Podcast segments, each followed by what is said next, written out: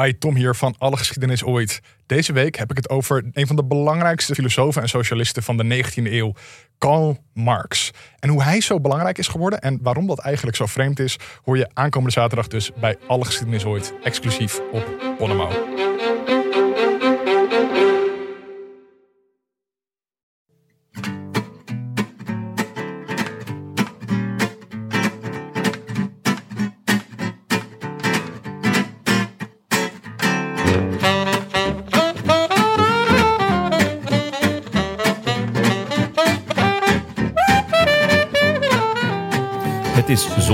1 december 2019 en live vanuit de Nieuwe Dag en Nacht Studio's in Amsterdam West is dit de Rode Lantaarn.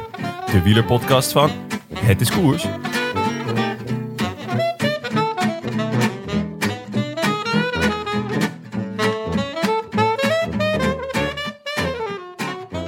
December is begonnen. Behalve de feestmaand ook de maand waarin het serieuze trainen weer begint. Geen vakantiefoto's meer van Mike Teunissen en Dylan Groenewegen op Curaçao. Geen Insta-stories meer van die geweldige biketrip die Lennart Hofstede, Ome Sam en de schoonzoon samen maakten door Thailand. Zelfs geen heerlijke reportages meer van Ivonie, die Steven Kruiswijk met zijn Sophie bezoekt in het mondaine Monaco, woonplaats van de rich and famous.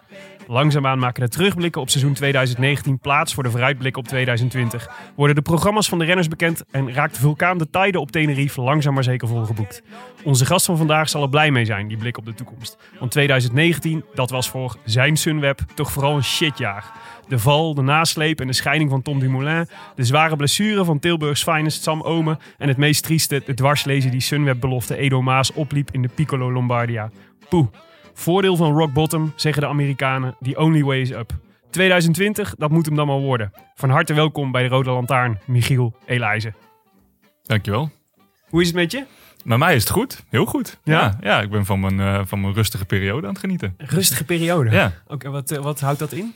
Nou, Genieten van je vooral, rustige ja, periode. wij- weinig doen eigenlijk. Ik heb niet, eh, niet zo heel veel te werken, afgezien wat, van wat trainingskampen de komende maanden. Ja. Dus ik ben vooral veel zelf aan het sporten. Ja, voor de rest... eh, Het is echt gewoon nog off-season voor jou. het is voor mij is het nog off-season. Ik ben wel wat aan het werk en zo, maar het is nog niet echt heel intensief. En dan dus ik hoef, eh, eh, aan het fietsen of aan het crossfitten?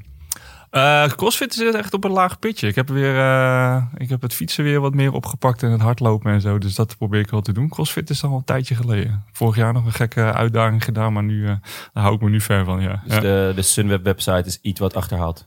Ja er staat inderdaad bij mijn hobby staat daar volgens mij crossfit. Ja, dat was, ik moest ik vorig jaar invullen. Ik kan nu weer Crossfit lezen en eh, fotografie Ja, is mij eh, opgevallen. ja, ja, vind ik leuk om te doen. Ja, ja. ik eh, doe het eigenlijk te weinig, moet ik wel zeggen. Want er komen op best wel veel plekken natuurlijk waar ik eigenlijk in principe veel foto's zou kunnen maken. Dus ik ben me, er, ben me ervan bewust dat ik geen topfotograaf ben en eh, daar nog niet eh, genoeg aan doe eigenlijk. Ja. Hé, maar dus, want eh, als jij zegt het is eigenlijk de off-season, maar dan, het is, jij bent echt eigenlijk nog dan een soort klassieke ploegleider die vooral in de koers ploegleider is. Nou ja, het is Of ben je, want ik zou zeggen, dit is ook de periode waarin eh, gepland wordt, toch? Voor de, Ja, voor nou ja, goed, het plannen, dat, eh, daar worden we wel bij betrokken. Maar dat Mhm. is eigenlijk vooral een, een ander deel van de ploeg die daarover gaat. Ja. Echt de performance eh, managers plus, Ja. plus de trainers. Voor de trainers is dit wel een heel belangrijk deel van het seizoen. Omdat Ja. die weer in een opbouw gaan. Alleen ja, wij hebben gewoon koersen tot en met, nou ja, goed, half, half oktober. Ja, En dan ons echte werk begint inderdaad als de koersen weer beginnen. ja. Hoewel, ehm, ja goed, met de begeleiding eh, van je renners, daar begin je al wel sneller mee natuurlijk. Dus dat is op het moment dat zij weer beginnen met trainen, of fanatieke beginnen met trainen, gaan wij er ook alweer ja. meer mee aan de slag. Maar het is nu niet zo dat ik, eh, het is niet dat ik omkom in het werk. Dus voor mij voelt het als een rustige, rustige periode. En wanneer begint dan weer, zeg maar, echt de, de drukte? Is dat dan gewoon bij de Tour Down Under, zo'n beetje? Nou ja, goed, voor de, voor de ploegleider die daar naartoe gaat wel. Mijn eerste koers eh, gaat pas eind februari zijn in de Mhm. ronde van Algarve. Ehm, maar daarvoor gaan we al trainingskampen. eh, wordt het allemaal wel wat intensiever met het eh, met persoonlijk begeleiden van het aantal renners dat je hebt. Ja. Ehm, ja, goed, maar dat, wat ik zeg, nu, nu valt dat eigenlijk reuze mee. Dus dit, dit beschouw ik altijd als mijn, eh, mijn off-season. Ja. Ja, oké. Hey, we willen eigenlijk met jou in, in, in deze podcast even stilstaan bij 2019. Ik Mhm. noemde het net in de intro een, een shitjaar Ja. voor, voor Sunweb. Ja. Is dat, ik, beschouw jij dat ook zo? Eh, ja, ja, goed. Kijk, het is, het is geen succesvol jaar geweest natuurlijk. En, Ja. eh, we hebben veel, eh, veel ellendige dingen meegemaakt. En nou ja, wat je net in je intro aangaf, ook ja, rare valpartijen en een hele ernstige van Edo Maas natuurlijk. Ja, ja dat, zijn, dat zijn wel dingen die, die je kan missen in een wielerjaar. Alleen ja, dat is ook een cliché, het hoort, het hoort er allemaal wel bij. Ja. Als jij terugdenkt, eh, als jij terugdenkt aan 2019, is er dan één, één beeld wat bij jou beklijft, zeg maar, waarvan waar je over een tijdje terug zult aan, eh, aan de hand waarvan je eh, wat het meest symboliseert wat 2019 voor Sunweb was? Nou ja, ik heb de Giro natuurlijk gedaan, dus Ja. eh, als ploegleider. En eh, kijk, de, de valpartij van Tom was, was erg, om, hoewel we op dat moment niet wisten hoe, hoe, Hoe ja, erg? hoe erg en Ja. wat de nasleep zou zijn. Ja, Maar de valpartij van Sam was daar eh, was voor mij wel het beeld dat, dat ja, er bleef zoveel. eh, de pech bleef zo opstapelen dat we uiteindelijk nog maar met vier renners eh, de Giro uitreden. Maar ja, ja, het, het- bleef maar komen. En toen Sam eruit viel, toen, toen hadden we ook allemaal iets van, ja, dit veel veel erg kan niet zijn. Nee, volgens mij werden jullie bijna een beetje melig ervan. Nou Ja, op een gegeven moment dan... eh, Ik zag kijk, een kop van jou van, eh, ik hou niet meer over. Nee, nee, maar ja, goed, aan de andere kant, eh, ja, dit, kijk, het, je kan er heel erg om treuren. En eh, ik heb gelukkig wel eerder in, in ploegen gewerkt waar, ja, goed, Mhm. waar je niet misschien dit een heel jaar achter de feiten aanloopt, maar waarin het ook niet allemaal heel lekker liep. En ja, je weet dat dat ertussen zit. Alleen ja, op het moment dat dat gebeurt, kijk, met Tom, ja, je baalt, want je klassementsrennen valt eruit. Ja, nou, ja. goed, dan ga je doelen, eh, ga je, die ga je verzetten. En nou, dat was dan voor etappes gaan. Maar ja, er bleven maar renners wegvallen. Dus op een gegeven moment, ja, dan, ja, dan kun je kan je ook niet anders dan melig erover worden. En we zaten één dag, zaten we met, waren nog met vier man in koers. En twee die zaten mee in de ontsnapping. Dus ja, ik bedoel, dat is ook uniek natuurlijk. Want het is nog no- nooit een ploeg geweest die met de helft van de ploeg in, 50%. eh, mee in de zat in de ontsnapping. ja. En het is ook goed dat we eigenlijk wel gewoon altijd positief zijn gebleven. Want we winnen wel de laatste tijdrit met eh Chet Hara. ja. Ja, dat, dat geeft dan wel weer natuurlijk heel veel voldoening. En dat is ook wel een beetje de manier waarop ik erin sta. En ik denk ja, wel veel van, eh, van de coaches bij ons. Van ja, we zitten inderdaad rock bottom. Maar ja. we, kunnen, we moeten ook wel positief blijven en, en eraan blijven trekken. Want ja, er kan ook maar zomaar iets moois uit de bus vallen weer. Ja, die Ch- Chad Haga tijdrit, was dat jouw hoogtepunt van 2019? Mm, ja, dat denk ik wel. Ja, ja, dat, ja, niet dat denk ik wel. Ja, dat weet ik wel zeker. Ja. Ja. Maar dat komt omdat je zoveel, zoveel ellende eigenlijk voorafgaand hebt. Ja. En eh, ik zag laatst wat beelden terug op een filmpje, eigenlijk voor de, voor de tijdrit. En de- ik, zag me, ik zag mijn kop daar en ik het leek wel 15 jaar ouder. Joh. Het was echt, eh, ik was helemaal afgeleefd en grote wallen onder mijn ogen. Maar Ja, volgens mij als ik dan een foto de, na de tijdrit eh, zie, dan, dan zie ik er toch weer uit zoals, zoals ik me voel. ja. En ehm, Maar ik kan me voorstellen, dit, ellende kost natuurlijk ook gewoon superveel energie. Ja, maar het was, eh, ja, dat was Ja. het ook gewoon. Op een gegeven moment weet je niet meer wat je moet zeggen tegen je renners. En eh, ja. ja, ook niet meer tegen het personeel. En het personeel wordt naar huis gestuurd, omdat hoe minder renners je overhoudt. Nou goed, je hoeft niet met, Ja. met vier van jeurs te zijn als er maar vier renners zijn. Dus ja, dat was gewoon taai. En dan als je dan de laatste, eh, als je dan de laatste rit wint, dan komt er wel echt heel veel ontlading. Dus dat was zeker wel mijn hoogtepunt. Ja. Ja, ja, cool. Oké. Hey, we gaan eh, straks eh, eh, nog wat uitgebreider terugblikken op, op eh, 2019 en vooral ook vooruitblikken naar 2020. Eh, maar we hebben natuurlijk altijd een vaste rubriek in, in de Rode Lantaarn. Ik weet niet of je de Voetbal International wel eens leest. Nee, nooit. Nee, sorry. Heb je hem ooit wel eens gelezen? Ja, ooit wel, ja. Er staat er namelijk altijd een prachtige rubriek in, die heet VI Persoonlijk. Ja, En in VI persoonlijk, dat is zeg maar de rubriek waarin de voetballers altijd, de, de, altijd eh, 20 vragen krijgen. Oh, Eh, bijvoorbeeld naar een favoriete boek. En dan is het antwoord altijd de ontvoering van Freddy Heineken. ja, ja, ja oké. dat ja. is die rubriek. Ja, Eh, en dat zijn 20 vragen. En, en wij pakken er altijd een aantal uit om je even wat beter te leren kennen. Ja, dus je mag een getal noemen tussen de 1 en de 20. zeven. 7. Uitgaan. Oh. Ja.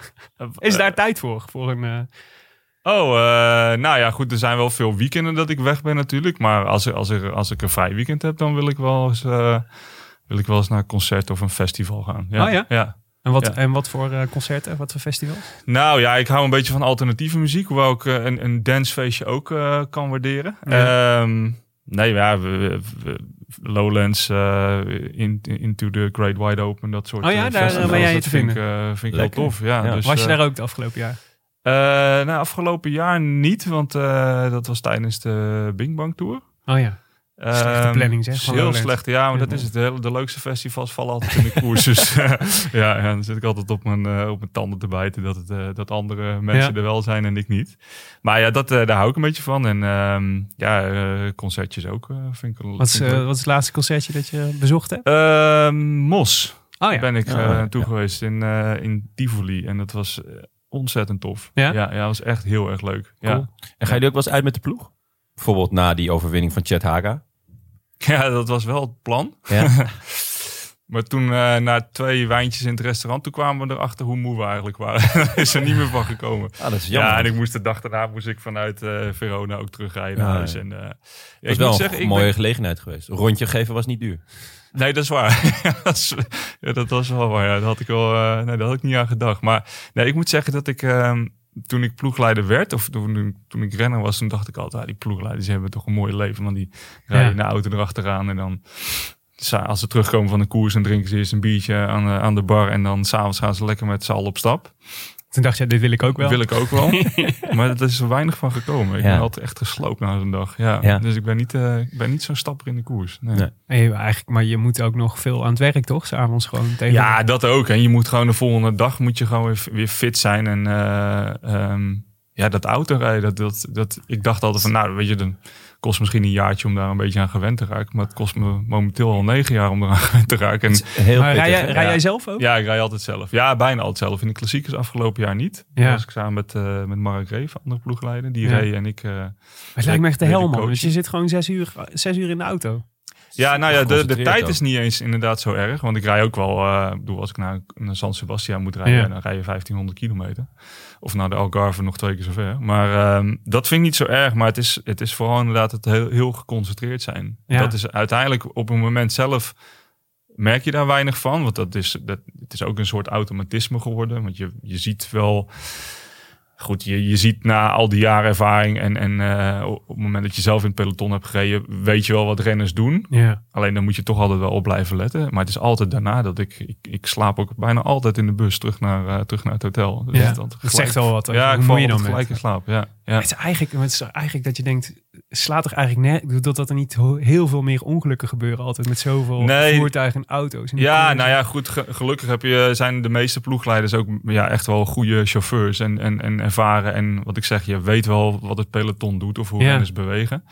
Ehm, maar daarom, ja, dat, dat stappen in de koers, dat, eh, dat hou ik altijd, eh, altijd op een laag pitje. Want ik Ja. weet... eh, Maar je zou de, wat is, er- weet je, de, de- wat ik zou zit niet in één keer te denken, of bij, vrachtwagenchauffeurs zouden we het belachelijk vinden dat ze zo lang achter elkaar Ja. moeten rijden. toch? ja, Die moeten Nou ja, gewoon het is- regelmatig pauzeren en ja, zo. ja. Het kan, het kan toch eigenlijk gewoon niet dat je zes uur lang geconcentreerd bent? Nee, ja, eigenlijk. eh, nou ja, goed, kijk, er zitten gelukkig in de, in de koers ook wel momenten dat het eventjes rustig rustig gaat is, natuurlijk. Maar ja, goed, aan de andere kant... Ja, maar dan staan er nog steeds toeschouwers langs de kant die ook onvoorspelbaar ja, zijn. Ja, Ja. Nou, dat vond ik dit jaar het ergste in, in Roubaix. Toen zat ik ernaast. Ja. Toen zag ik pas hoe gevaarlijk het was met al die toeschouwers. Ja. Ik zat echt af en toe... Ja. Zat ik gewoon, was ik aan het wegduiken, terwijl ik... Ja, het Ja. slaat natuurlijk nergens op, maar... Nee. Nee, dat Maar vond het zijn ik, ook eh, nogal snelheden waarmee je er overheen... eh, Ja, ook. En, Ja. en ehm, ja, dat, je, moet veel, veel eh, uitwijkmanoeuvres maken. En het is, ja, het is, het is best wel... Het is gewoon heel hectisch, ja. Ja. ja. Ja. Oké. Ja. En wat doe je eigenlijk als je moet plassen? Dan stop ik gewoon. ja. Ja. Ja, Ja, dat is, goed. eh, ja, je, kijk, ehm, eh, helemaal niet om ze af te vallen. Want eh, kijk, wat er in de Giro gebeurt met, eh, met Jan Boven en, en Ardie Engels. Ja, ja, wij moeten ook plassen. Ja, op een gegeven moment dan... Ja, Je, ik zit ook wel eens in de je koers. kunt het dat zo, maar echt- zo lang inhouden. Ja, inderdaad. Dat ik wel eens in de koers dat ik denk... Ah, In de NS, tot- bij de NS had je toch van die plaszakken? Ja, ja, misschien dat dat... Toen ze die eh, sprinters dat- zonder, zonder toiletten hadden. Ja, precies. Ja, misschien, wel dat dat... voor, eh, eh, voor in de koers. Ja. Nou ja, ik heb altijd, ik, ik zorg altijd dat ik voor de laatste 50 kilometer dan, dan, dan drink ik niks meer daarna en dan Ah, eh, ja. ben ik Ja. geweest en dan eh, hoop Ah. ik dat ik het tot de finish volhoud. Ja, Oké. We hadden het eigenlijk over uitgaan. ja, ja. Nou, ja Van uitgaan naar mooi ja, bruggetje, waarom ja. Nog een getal mag je noemen. Het is de 21. Eh, eh, 14. Auto. Nou ja, daar hebben we het Oh, eigenlijk net over gehad. Oh, wat ik rij gewoon als in mijn werk? Ja. Of, Ja. eh, oh, ja, nou ja, goed. ja. Moet je merk weten of eh, Ja, waar rij je in? een Skoda Superb. Oh ja. Een hele fijne auto. Sco- is Skoda is er ook jullie... eh, Ja, sponsor. hè? ja. Ja, Ja, nu- ja de- dat is de auto van de ploeg, hè? ja, ja. ja. Zelf, zelf heb ik een andere auto. Maar, Oh, ja. ja. Oké. Maar ehm, nee, Een Ferrari. Nee, ik, ben, ik geef echt heel weinig om auto's. Ik heb een eh, Volkswagen Caddy Maxi. Lekker praktisch. fiets in. Ja. Die auto is ook meer een eh, vraag voor voetballers natuurlijk. Ja. Dat, eh, ja, en voor Dylan Groenewegen. en voor Dylan Groenewegen. Een witte ja, Porsche. Heb, Ja. je hem, heb je hem gezien? De witte Ik, Porsche eh, van Dylan hem, Groenewegen? eh, ik heb het gehoord, ja, maar ik heb hem niet gezien. Ja, en nogmaals, ik, ik geef echt helemaal niks om auto's, dus het interesseert me helemaal niet wie, Maar Dylan wel. wie met wat. Ja, nee, Dylan wel. Maar ja, die heeft ook geld voor genoeg voor om te betalen. Dat heb ik ook niet, dus. Volgende nummer. Eh, even kijken hoor. Eh, doe, maar, eh, doe maar negen. Eh, tij- tijdschriften slash kranten. Wat Oh, lees ik, je heb graag? een, eh, ik heb een abonnement gehad op de Trouw, heel lang. Ehm, Voor een stukje De- verdieping. ja, dat liet ik me inlullen tijdens een wandeling door het centrum van Utrecht. ik ben zo iemand die heel slecht nee kan zeggen tegen Ah, dat ja, soort ja. mensen. En dan Ah, eh, in, één is- keer, in één keer een weekendabonnement op de Trouw heb. Ehm, ja, goed. En ik ben in weekenden nooit thuis, dus ze lagen gewoon opgestapeld thuis. Dus eh, Ja. tijdschriften, ik lees eigenlijk geen tijdschriften. Oké. Nee. Hey, wat, als jij, eh, wat voor, eh wat voor eh, wielermedia neem je eigenlijk tot je? Ik ben wel benieuwd. Als, als je, als je zeg maar zo- in het peloton zit, waar haal, jij, waar haal je je nieuws vandaan dan? Het meeste van, van Wielenflits, van de app. Ja. Daar lees ik het meeste dingetje op. Maar voor de rest, ja, ik, ja, dat gaat heel slecht klinken, maar niet zoveel. Ja. Ik heb geen social media. Ja. Ik eh, kijk daar ook heel weinig op. Ehm, Ja, je laatste Twitterbericht was in 2015. ja, dat was, mijn, dat was mijn comeback, want ik heb wel, ik heb wel lang getwitterd. Ja.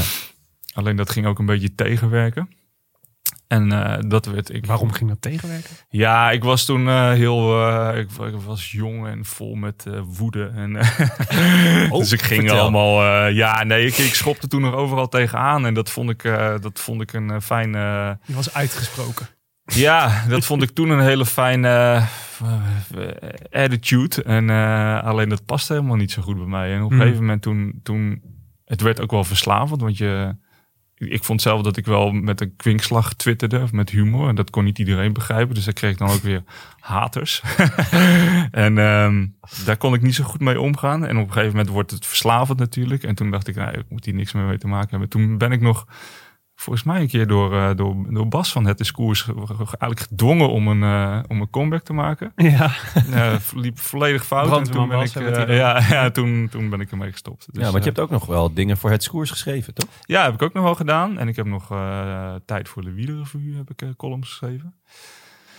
Maar die Dat doe, je helemaal, doe je dat helemaal niet meer? Zelf nee, schrijven ook? nee, nee, ik schrijf eigenlijk. eh, het waren best waren Ja, wel waren leuke goede, nou ja, dankjewel. Maar eh, nee, ik doe, eh, nee, dat doe ik eigenlijk eh, weinig. eh, ja, ik moet van zeggen met wielerrevue, dat heb ik heel lang gedaan. En in één keer toen kreeg ik geen mails meer dat de deadline verstreken waren. Dat, toen dacht ik, nou, ik zal er wel uit liggen. Dus daar heb ik verder ook nooit nog iets van gehoord. Maar ja, dat Gewoon echt, ook niet even een belletje van, joh... nee, helemaal niks. Nee, echt schandalig. Ja, want dat heb ik echt een jaar of zeven of acht gedaan, denk ik. Dat meen je niet. Ja, echt. En toen heb ik een. Ik volgde toen Bram Tankink op. En toen in één keer, toen. eh, Nou ja, ze stuurde altijd van. eh, denk je aan de deadline? Want dat was altijd Ja. mijn dingetje. En, Je bent eh, gewoon geghost door wielen. Ja, ja, ben ja, gewoon dit helemaal. gewoon ja, echt, ja, eh, ja. Dus dat hoef je, er niet, niet, hoef je er niet uit te knippen. Dat mogen ze best weten. ja, ja. Heel goed. Maar bij het is Koers altijd een plek voor je, hoor. ja, daarom. Dus, maar dat ik het Jongens, doe, dat maar doe dit, ik want, eh, want, eh, eh, het, laten we zeggen, je stukken lazen ook alsof je het leuk vond om te schrijven. Ja, vond ik ook. Ja. Ja. vond ik ook leuk om te doen. Ik heb toen tijdens de Giro heb ik ook, ehm, toen ik bij eh eh Omega Pharma Lotto reed, toen heb ik ook eh, elke dag zo'n dagboek eh, Ja. bijgehouden. Ja. Ja, vond ik hartstikke leuk om te doen. Ja, maar dat doe je nu helemaal niet meer. Nee, eigenlijk niet. Zou misschien wel weer een beetje op moeten Ja, want ik zou, je zou zeggen, je maakt zeker het afgelopen seizoen, stel dat je daar een dagboekje bij ja, hebt dan is het dat wel leuk natuurlijk. Ja, ja. Nee, dat is, dat is waar. Ja. nu een misschien moet het voor, Ja. misschien, misschien moet het voor 2020 gewoon Ja, dat is wel af- goed, afspreken. ja. Gewoon een beetje, bij, een beetje beetje- bijhouden wat er gebeurt. ja, misschien is dat wel een goeie. Ja. Ja. Het, zou, het zou niet slecht zijn als ik dat, als ik dat zou doen. Oké. Hey, wij gaan, eh, mogen wij ook nog een getal? Eh, Ja, natuurlijk. Eh, we eentje die we vast altijd doen. Jeugdidolen. Oeh. Had je die? Eh, ik was wel. ehm, toen ik net begon met, met wielrennen, was Indurain mijn idool. En toen later ben ik meer naar de, naar de rock, rocksterren gegaan. Dus ik mijn, als, ik, als ik echt één iemand moet noemen, is het Jim Morrison. Ja, Ah. dat is echt. eh, ja. Ja, want dat vond ik ook op COVID is, hè, de... Jim? ja, ja, precies. Ja, nee, eh, ja, nee, ja, muziek heeft altijd wel heel belangrijk. eh, Ja. Het gerucht gaat dat je, dat je grote droom is om drummer te worden en ja, op te treden op Glastonbury. ja, dat lijkt me echt zo Zit tof. het er nog in? Nee, nee, ik heb totaal geen ritme. Ik zit altijd te, te drummen in de auto. Dan denk cruciaal ik- voor, eh voor ja, een drummer. Ja. Ja. ik zit altijd mee te drummen in de auto en denk ik, ik ben echt heel waardeloos. Dus ik zou, het zou, gaat me nooit lukken. Maar het zou wel, ja, dat zou, dat, als ik dat ooit zou had kunnen bereiken, dan was dat Ja, grootste echt serieus. Liever dan, eh, liever dan een, eh, een, eh, een nog betere renner te zijn geweest dan je was? Ehm, Met de glorieuze overwinningen en zo? Ja, ik denk dat toch, ik denk dat voor een, gewoon een veld vol met mensen spelen, Ja. maar wel echt in een goede band natuurlijk, dat, ja, dat dat nog een magischer gevoel is dan Ja? een koers winnen, denk ik hoor. Ja. Maar goed, ik zal het nooit weten, want ja. Ik, ik, ik ram dus op het dashboard voor mijn auto. En Dan blijft het bij. ja. Ik was, eh, in, eh, ik was eh, in de voorbereiding op deze podcast natuurlijk eventjes allemaal oude stukken aan het lezen en zo Mhm. over eh, jou en over je carrière. En toen kom ik, ik kon- zag in één keer, je hebt gewoon een, de duo tijdrit met Bradley Wiggins Ja, gewonnen. ja dat, is mijn, eh, dat is mijn 15 minutes of fame. Was ja. dat, eh, was dat, eh, dat was de grootste overwinning uit je carrière ik eigenlijk, heb toch? ook de proloog in de Neco Tour gewonnen. Maar ja, ja, Ja. maar vind je die belangrijker dan... eh, Ja, die deed ik in mijn eentje. Ja, ik zeg altijd dat ik Ja. anderhalve koers heb gewonnen. ja, ja, want, die, die tijdrit deed echt, ik heb het echt Wiggins te danken aan Wiggins. Dat heb ik echt. Want hij was jouw ploegmaat bij uh, Cofidis. Bij Cofidis, ja. En ehm, ik won, dat was in 2007. Dus ik won dat jaar... eh, of eigenlijk in augustus won ik de proloog in de Neco Tour. Ja. En vlak daarvoor was ik tweede geworden op het Nederlands kampioenschap tijdrijden. Achter Stef Clement. Ah ja. En die, ehm, daarna had ik eigenlijk niet zo heel veel koersen meer voor Cofidis. Want ik had toen besloten om naar Rabobank te gaan. Ja. Tenminste, ik had besloten. Zij, zij wilde mij hebben. Ehm, en en ik prima. vond het ook wel heel tof.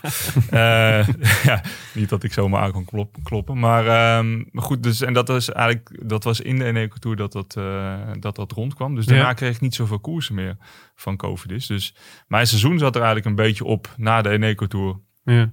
En ehm, ja, de duo normaal was eh, de laatste voorbereiding op het WK. Dus dat was ongeveer anderhalf maand verder, denk ik. Ja. En Bradley eh, was daar dus echt in volle voorbereiding. En ik was al aan mijn, eh, aan mijn off-season bezig. Ja. En toen Bradley zou met Sylvain Chavanel rijden. En die Ook geen koekenbakken. ook geen koekenbakken, maar die wilde niet of die kon niet of die had iets anders te doen. En toen eh, belden ze mij nog op of ik kwam of we wilden komen. Ja. ze dachten, nou ja, hoe erg kan Want ze dachten, zijn? hij kan ook altijd rijden. Ja, precies. En ik dacht, nou, hoe erg kan Met het een zijn? beetje mazzel kan hij in het wiel hangen. Ja, het was verschrikkelijk, verschrikkelijke dag. Ja? Ja, echt. Ja, ik heb het was 55 kilometer. Ik denk dat ik 25 kilometer fatsoenlijk heb over kunnen nemen. En toen heb ik 30 kilometer in zijn wiel gehangen en echt alleen maar op elk klimmetje ho, ho, rustig. En, Ja? eh, ja, echt. Het was verschrikkelijk. Echt, ik, ik ben er nooit zo, zo kapot over de finish gekomen. We wonnen geloof ik wel met 2,5 minuut voorsprong op... eh, Ja, dus dat ook prima nog iets rustiger. gekund. ja, voor mij had het heel veel rustiger gekund. Want ik stond echt de kokhals op het podium. Het was echt verschrikkelijk. Ja, Ja. ja. dat was niet Maar leuk. bizar, dat was dus eh, voor, de, voor zijn Sky-tijd van, van Ja. En ben je daarna de kroeg ingegaan met Bradley? Nee, nee, nee. Want dat, is, nou- dat was nog het ergste eigenlijk. Want het was dus in Normandië. eh, Vandaar de naam. Ehm, en daar moest ik met mijn eigen auto naartoe rijden, weet ik nog. Wij kwamen de avond van tevoren aan. Dat is ook een eindrijden natuurlijk vanaf Ja. eh, waar ik toen woonde. We kwamen de avond van tevoren aan. Die dag daarna de, de tijdrit gedaan. En toen Mhm. moest ik s'avonds nog terugrijden. En toen hadden we wel... Want ze hadden beroerd om een hotel te regelen. Ja, Echt? ja. God, wij, eh, wij konden gewoon weer vertrekken. Maar wij hadden op het podium... Zelfs niet zo'n eh, Formule 1. eh, Nee, nee, eigenlijk, nee, eigenlijk niks. Nee, het was echt, eh, nee, het was echt heel raar. Maar wij wonnen onze lengte in eh Cider. Oh, Dus eh, dat was wel tof. waar je lengte in Cider. Ja, dus wij, eh, ik- als je ooit misschien een keer een foto kan terugvinden op, eh, op internet, dan zie je Bradley en mij staan naast gewoon zes, zeven dozen vol met cider. Oh, zo. Alleen daar heb ik nooit meer iets van gezien. Die hebben ze gewoon ingeladen en dan zijn ze weggereden. En, eh, ja, dat is voor de mechanicien. Ja, ja, waarschijnlijk. Ja. Bradley kennende heeft hij, daar, Ja, Bradley heeft hij er nog wel misschien zaak van ja. gemaakt. Ik ben, er, ik ben er niet hard genoeg achteraan gegaan. Ik heb ze nooit meer gezien. Maar Ja. Ja. Nee, Wel de- bijzonder ook wel met terugwerkende kracht. Zeg, maar als je weet waar de carrière van Wiggins daarna naartoe ging. Zeg. Ja. Het is wel bijzonder dat je Ja. dat met elkaar gedeeld hebt. toch? Nou, en het is grappig dat het, het best wel vaak wordt aangehaald. Bedoel, Ja. Toen Bra- Bradley voor het eerst Tour won, ja weet ik nou dat ik werd gebeld omdat ik met Bradley Wiggins die tijd had gedaan. Dus verder helemaal niks mee te maken dat hij de Tour won. Maar dat was dan... Eh, nee, ja, heel bijzonder. Het is ja. wel een goed, goed verhaal voor feestjes, toch? Hm. En dat je gewoon altijd ja, zeker, kunt vertellen hoe je 25 kilometer lang in het wiel van Wiggins Ja, dat was echt... Ja, het was verschrikkelijk. en, en hij was... Ja, hij reed zo hard. Dus ik dacht echt... Ik was ook huidig van overtuigd dat hij wereldkampioen zou worden. Want dat was denk ik toen in... Stuttgart, kan dat? Dat zou kunnen, ja. Denk het wel. Wat was het, 2007? 7 voor. Het was in Duitsland, want Stef, die, Stef, Clement, die werd derde toen. Ja. Maar eh, Bradley zei na, na dat duo normaal van ja, als ik niet op podium eindig, dan eet ik mijn schoenen op. Hij werd achtste, denk ik. Dus echt? Het was echt, van ja. En ik kon gewoon niet geloven dat een zeven man harder reed dan hij. Ja, waanzin. Ja. Ik zat tijdens dat WK was nog aan het herstellen. Dat was ja. natuurlijk ook wel een bijzondere periode in het wielrennen misschien in dat opzicht. Ja, ja dat, dat ook. Ja. En, ja, en Bradley was natuurlijk nog helemaal niet de ronde die die, eh, die, die, Die later. ja. later werd Ja. geworden. Ja. Ja. Maar hebben we het nou over je jeugdidool gehad of niet? Jim Morrison. Ah ja, Tim Ja, Morrison. ja, ja, ga ik, eh, dan ga ik voor Jim Morrison. Ja, ja, dat leuk. vind ik, eh, ik, ja, ik vind dat gewoon een geweldig verhaal en eh, de- geweldige muziek. En eh, ja. daar heb ik wel eh, affiniteit mee. Mm. Mooie Ja. Ja, Hey, ehm, dus die, eh, duo, norm, duo normaal heet ja, toch? Ja. Ja, en de Eneco Tour, het hoogtepunt denk ik als, eh, als wielrenner dan, zou ik zeggen, toch? Als, eh, Ehm, of zou je nog iets Ja, weet je, ja, kijk, dat zijn natuurlijk, dat zijn het, nou, ik, ik, ik heb niet echt dat het duo normaal is, niet echt een hoogtepunt Nou, voor, voor mij. mij vind ik altijd, schaam me er ook wel een klein beetje voor, maar eh, in Eco Tour wel natuurlijk. Maar Ja. ik vond, ja, ik moet ook heel eerlijk zeggen dat ik de, de Giro's rijden, vond ik ook wel echt een Ja, hoogtepunt. Ja. Dat was totaal, kwam ik nergens in, eh, erin voor, maar ik vond het wel mooi dat ik daar dat ik daar heb gereden, dat ik hem uit heb gereden en, en gewoon alles Ja, eromheen. Dat, gek, vond, ik, eh, vond ik te gek. Ja, ja. ja. Dus dat is wel. Het is ehm, ook gewoon het hoogste podium voor een profrenner. ja, ja, Ja. inderdaad. Ja. En dat, eh, ja, dat is eigenlijk wel het hoogtepunt uit mijn wielercarrière geweest. Ja. Ja. Hey, en als je en uit je ploegleiderscarrière, wat zou je dan als hoogtepunt noemen? Poeh, ja, ik heb, dat heb ik wel best wel vaak die vraag ook gekregen. En ik, eh, meestal zeg ik, eh, ik in mijn eh, eerste jaar als ploegleider, toen won ik. Dat is bij de Lotto, toch? Ja, was bij Lotto. Ja.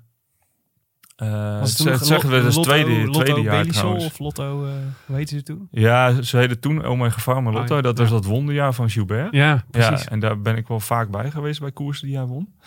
toen maar- won die echt alles. Ja, toen won die, toen won die echt alles, ja. En, ehm, maar het tweede jaar, toen, eh, ja, toen was hij natuurlijk weg. En ehm, toen wonnen we met, eh met Gianni Meersman een rit in Parijs-Nice. Ja. En dat is eigenlijk gevoelsmatig nog steeds de mooiste koers die ik heb gewonnen. En dat is helemaal niet...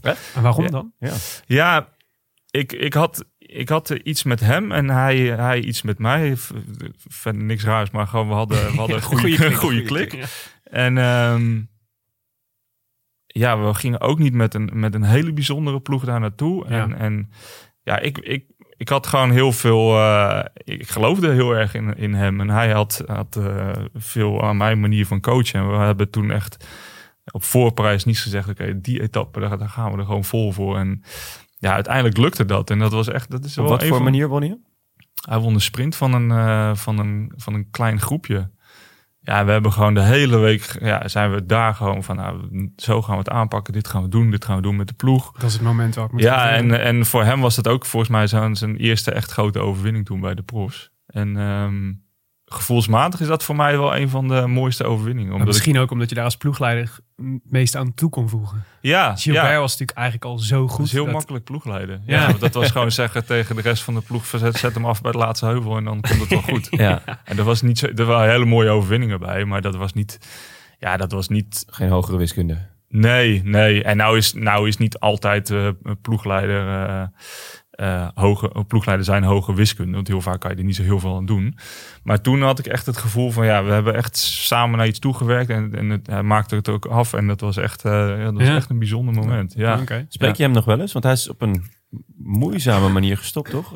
Hartritme Hij had hartritmestoornissen. En eh, nee, ik spreek hem eigenlijk niet zo, niet zo veel. Heel af en toe eens een keer een berichtje of zo. Maar voor de rest... eh, maar goed, dat is ook natuurlijk een beetje in het wiel. En je werkt met zoveel mensen samen. Dit, Ja. Heel veel vrienden heb je, hou je er ook niet aan over. En het is nou ook niet zo dat ik daar heel erg achteraan ga om, om contacten te onderhouden. Maar ehm, Ja, want je hebt natuurlijk ook gewoon de waan van de dag voortdurend. Die ja, die en, uiteindelijk... met het nu bezig Ja, precies. En uiteindelijk weet je, je, je hecht je op een bepaalde manier wel aan renners. Alleen daar kan je ook niet te diep in gaan, want je weet nooit of ze nou het volgend jaar nog steeds bij je rijden. En dan, Ja. Dus daar hou ik ook altijd wel een beetje afstand van. Maar ehm, ja, dat vond ik, vond ik wel een van de mooiste overwinningen. Ja. Ja, Het is misschien ook aan het einde van je carrière, als je stopt, dat er dan kijkt wie er dan nog wie er dan overblijft. Of wie dan ja, heel graag weinig, nog terug wil ja, zien. weinig mensen hoor. Ja, Ja. echt. Heb eh, je echt geen weinig. echte vrienden in het peloton? Of? Nou ja, uh, ja, Karsten Kroon is een hele goede vriend van mij. Ja. Dus die, eh, en dat is ook heel raar gegaan, want dat is echt pas na uh, dat we allebei gestopt waren. Mhm. Um, Mathieu Heijboer, Goede, Ah, ja. goede vriend. Ehm, ja, voor de rest, ja, met Jos van Hem heb ik af en toe nog wel eens contact. Maar daar houdt het ook wel een beetje bij op. Ja, Ja. Het is ook niet, ja, wat ik zeg, dat, dat is, dat, ja, zo werkt het ook een beetje. Ja. Ja. Dat is ook niet zo Hey. Ja. eh, eh, en je dieptepunt als ploegleider lijkt me redelijk makkelijk te voorspellen. Ja, de, de dood van Michael Golac. Ja, Ja. dat was echt, eh, ja, dat is, dat is veruit de, het diepste punt geweest. Ja, Je hebt ja. daar, eh hoeven daar niet uitgebreid bij stil te staan. Je hebt daar prachtig over verteld, vond ik bij je in het interview. Ja, dankjewel. Dat was echt, ik vond dat echt een hele mooie uitzending. Ja, Dus ik raad iedereen aan om die vooral te luisteren. En dus, maar wat ik wel benieuwd naar ben, is, want we zijn nu bijna, nou ja, het is in het volgende Parijs-Roubaix twee jaar twee verder. jaar verder, ja. ja. Als je daar nu over nadenkt en nu op terugkijkt, zeg maar, wat, wat- hoe, hoe, hoe, hoe sta je daar nu in? Of wat, Ja, of nou is ja. het veran- is, je- zijn je gevoelens veranderd, zeg maar? Tijd? nou, ik heb wel lang eh, rondgelopen met schuldgevoel. Dat eh, heb ik denk toen ook in die podcast Ja. uitgelegd. Dat ik eh, ehm, eh, de beslissing of je, of je bij hem blijft of terug de koers in gaat. Ja. Of dat nou de juiste beslissing is geweest. Dat heb ik toch wel lang mee rondgelopen. Ja, nou goed. Of dat de juiste beslissing is geweest. En eh, ik denk dat ik goed gehandeld heb. Ehm, maar dat is, dat is wel af en toe een vraag die nog steeds wel bij me opkomt. Ja. En ehm, nee, voor de rest ja, zijn mijn gevoelens veranderd. Kijk, eh, een cliché, tijd hield alle wonden. Dus uiteindelijk gaat het steeds verder in je achterhoofd zitten natuurlijk. En het is ook niet... ehm, het is zeker niet dat ik er dagelijks mee bezig ben. Alleen, ja, er zijn wel momenten in de koers of valpartijen die je ziet dat je, dat je toch eventjes Ja. wordt terug, eh, teruggeworpen natuurlijk. En ik moet zeggen, de afgelopen Parijs-Roubaix, die ik dan weer heb gedaan, vond ik toch wel, vond ik wel emotioneel. Ja, Ja? ja? ik vond de aanloop daar naartoe en ja, we kwamen langs dat monument gereden van, eh, van Michael Golarts in tegenovergestelde richting. Maar dat greep me wel echt, eh, echt bij mijn keel. En ja, wat ik net zei, ik zat nou naast een andere ploegleider in plaats van dat ik zelf reed. Want tijdens die editie met Michael Golarts reed ik zelf. Ja. Ja, en nu zag ik pas echt ehm, wat een hoop gekken er langs de kant staan. Mhm. En wat een hoop andere ongelukken er zouden kunnen gebeuren. Gewoon Ja. mensen die met hun kind voorover op zo'n eh zo'n kasseistrook staan geleund om te kijken naar de renners waar je dan Ja. met je spiegel centimeters eh, vandaan langs afscheert en zo. En dan daar had ik het, eh, nee, daar had ik het niet, eh, daar had ik het een beetje kwaad in die, Ja. in die koers. Ja. Ja. dat snap ik goed. Ik kan me ook voorstellen dat het best wel... Het is natuurlijk zo'n ehm, rollercoaster, dat hele wielercircus. Dus het Ja. de- dendert maar voort de hele tijd. Dus ik kan me ook voorstellen dat er is ook denk ik weinig tijd om stil te staan bij dat soort, dat soort dingen of dat soort momenten. Nou, dat, dat ook. Hoewel ehm, ik toen na Parijs-Roubaix wel eventjes een paar weken geen koers heb gedaan. En dat was sowieso al gepland, maar dat kwam ook wel, wel goed uit. Ja. Alleen gewoon eh, de, het moment in de koers zelf al was al een, eh, een achtbaan. Ik bedoel, Op het moment dat je besluit terug de koers in te gaan. Ja. Ja, dan zit je inderdaad weer in de waan van de dag met iemand die nog... waarvan je nog hoopt dat hij voor de overwinning mee gaat doen. Met Wout van Aert. Ja. Ja, dat was gewoon een hele rare dag. Omdat je eh, de ene moment dan beantwoord je een telefoontje van de dokter van eh, hij wordt afgevoerd naar het ziekenhuis. En Ja. op het volgende moment zit je in eh, je communicatie eh, te praten van volgende strook komt eraan. we, gaan, we gaan er nog voor. Ja. Nou ja, dat is, dat is gewoon heel raar. Je, Ja. bent de hele, je zit de hele tijd op... ben je op twee gedachten aan het hinken. En dat, ja, dat valt allemaal weg op het moment dat je over de finish komt. Ja. Maar ehm, ja, dat maakt het wel een, eh, een emotionele dag. Ja. Ja. maar die, die, die rollercoaster is natuurlijk ook, want die, die ploeg eh, die, die stopte, zeg maar. Mhm. Jij ging iets anders doen. Nou, die Mhm. hele ploeg viel eigenlijk uit elkaar, Ja. ging alle kanten op. Ja. Dat is natuurlijk ook heel gek. Dus dan bestaat Ja. dat, zeg maar, dat bestaat dan in één keer ook niet meer. Weet je wel? Nee. Een soort, de context waarin dit allemaal gebeurd is, is gewoon is weg. Ja, ja, en kijk, en eerlijk gezegd is, eh, wat ik net zeg, dit is ook niet meer dagelijks in je hoofd. In Nee. het begin wel, en op een gegeven moment hebt dat weg. En ehm, ik heb nog wel contact met die ouders en ik ben er vorig jaar ook nog geweest eh, tijdens het voor, eh, voorseizoen. Ja, die zitten, nog, ja, die zitten daar nog middenin. En dan als je dan Ja. daar vandaan komt en naar jezelf kijkt, Anders, ja. ja, dan denk je van ja, maar er zijn ook hele periodes dat ik er helemaal niet aan denk. Ja. En nou zag, zag ik toevallig ehm, afgelopen week een, een stukje van eh, de ronde 102, de, de documentaire. Ja. Over. Ja. Daar kwam hij weer in, kwam Michael in voor. En Ja. dan, dan heb je in één keer, oh ja, ja jeetje, dat is, dat is straks alweer twee jaar geleden. man. Ja, gaat, bizar, hè? gaat het snel, ja. Ja. ja. Ja. En dat is... ehm, maar goed, het is ook goed dat je, er- dat je er niet zo lang bij, eh, bij stil blijft staan natuurlijk. Omdat je... Ja. Nee, maar ik kan Anders me zou je ook je... Ja. Ook met zijn, ook met zijn voormalige, dus bijvoorbeeld met Wout van Aert. Weet je. Ja. Ik, kan me, ik kan me heel goed nog herinneren hoe ook hoe ontdaan Ja. en, dan zeg maar in de ergste zin des woords gewoon hij voor de camera stond. Een Ja, soort, ja. eh, ik kan me voorstellen dat het ook een soort eh, eh, dat het ook een soort band schept tussen alle mensen die daarbij betrokken waren of zo. Ja, kijk, dat, ja, dat is. Dat, je maakt wel iets mee wat, wat heel veel mensen niet meemaken, natuurlijk. Ja. Als, als ploeg zijn. Alleen, ja, ehm, heel. ja, heel cru gezegd, heeft dat uiteindelijk niet heel veel Ja, anders opgeleverd tussen, tussen ons of mij, mijn band met die renners of Ja. een band met. Je, je maakt iets mee wat. eh, het blijft wat allemaal voor iedereen een soort individuele. Ja, precies. Alleen iedereen verwerkt het ook op zijn eigen manier. En dat zag Ja. je ook al wel heel goed in, die, in de ploeg zelf. Op het moment dat je hebt renners die daar heel erg motivatie uitputten. En dan denken van, nou, ik ga er alles voor geven om ja. Eh, de, de koers erin te vliegen. En er eentje voor, voor Michael te winnen. En je had er die, die, ja, die werden er heel apathisch van. En die Ja. reden een beetje achterin de koers. En die konden hun gedachten niet meer verzetten. Dus Is zo'n moment dan, weet je, je zegt af en toe zijn er van die momenten dat dan terugkomt. Dan natuurlijk het afgelopen jaar met, nou ja, het, dodelijke ongeval met Bjorg Lambrecht ja, bijvoorbeeld. Ja, Eh, maar ook, eh, en in de intro had ik het al even over Edo, Maas. ja, die, eh, ja. Zijn dat dan momenten waarvan je denkt van, waar, wat, waar, dat, dan- wat, waar Ja. je dan weer terug bent in die wereld? Of zo? ja, wat, ja, inderdaad. Wat je, Edo is gelukkig, ik bedoel, is niet, niet fataal afgelopen, maar Nee, wel maar heel toch. ernstig. Ja, ja, nou ja, goed. Het zijn, het zijn inderdaad die, die valpartijen. Hoewel het hoeft niet. Soms dan gebeurt er in de koers ook wat. Of er ligt iemand slecht bij. Afgelopen jaar toen in Parijs-Nice viel Michael Matthews naast mijn auto. Ja, En eh 30 kilometer later viel Martijn Tusveld. Die Oh, viel ja. al zijn Ja. tanden eruit. Ja. Daar was ik ook bij.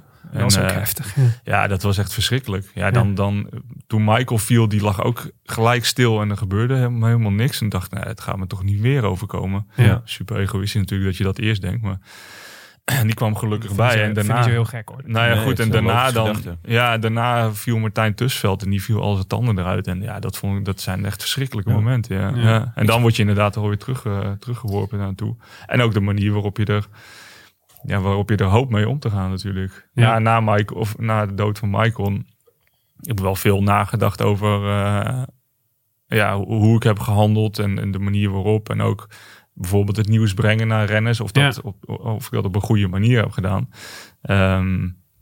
Dus ook vlak daarna, ik heb toen niks gezegd in de radio Ja. tijdens de koers. Wat, Ja. ik, wat ik overigens nog steeds een hele goede beslissing van mezelf vond. Maar een paar dagen later stond er een artikel in een Belgische krant waarin Mark Sergeant dan zei van ja, ik had het altijd gezegd, want je moet altijd eerlijk zijn tegen renners. En, Ja. en dan denk je, ja, Ja. je weet het gewoon niet als je het zelf niet meemaakt. En ik vond, als ik e- één, als ik één ding mij bij is gebleven, en ik weet niet hoe jij dat vond, John, want in ieder geval, ik weet nog dat wij het hadden over die uitzending van eh, in, in het wiel, waar Ja. je nou over vertelde. Als ik één ding vond, dan dacht ik, je bent eigenlijk gewoon nog te hard voor jezelf. ja, Want ja. je hebt het volgens mij in, in alles wat, wat je, waar je controle over had, en weet je wel, in de heat of the moment, beslissingen Ja. nemen en zo. Ja, denk wel, volgens mij had je het niet heel veel beter kunnen doen dan Nou wat je ja, gedaan dat, hebt. dat denk ik uiteindelijk ook niet. Ik denk dat ik op een goede manier heb gehandeld. Alleen, ja, al- gewoon eh, zo'n valpartij als met, met Michael Matthews, dan, ja, dan zit je wel even in de auto. Oké, wat ga ik nu zeggen tegen de renners? En dan gaat, het, gaat het toch door je hoofd van, ja, de, die ene ploegleider zegt, je moet Ja. altijd eerlijk zijn. Ja, ik ga niet zeggen, ik, ik, ik zeg dan hij is gevallen. Ja. Ja. Niet, eh, niet wat er allemaal is gebeurd. Nee, Ja. je- je- en daarmee vertel je natuurlijk ook geen leugens. nee precies. Bedoel, Nee, je, je, nee. je Ja. zegt gewoon dat. Dat en- lijkt me inderdaad de Laten we wel wezen, meer wist je ook niet eigenlijk. Nee, dan dat nee. het gevallen was en dat het wel ernstig was. Ja. Maar Maar ik zou, ja. Ja. dat heb ik ook in die podcast. hè, Als iemand zijn been zou breken, zou ik het ook niet zeggen. Nee, Want nee, ik, dan, dan denk ik ook wel vaak terug, wat zou ik willen horen? Ja. Ik zou echt verlam als ik hoor een ploegmaat heeft zijn been gebroken. ja, ja. Dat, zou, dat zou volgens mij veel gevaarlijker zijn om dat te zeggen. Ja. Maar goed, ja, dat, eh, dat zijn wel momenten inderdaad dat je daar weer aan terugdenkt. Ja. Ja. Ja. Oké. Ik ehm, werd gisteren eh, in de kroeg aangesproken door een meisje. Die, Wat leuk eh, voor jou. Ja, zeker. Die, eh, Vertel, vertel ons ja, meer, die, jongen. ble- die bleek dus fan te zijn van eh, de Roland Taarn. Ja. En eh, die sprak mij daarop aan, samen met een vriend van haar.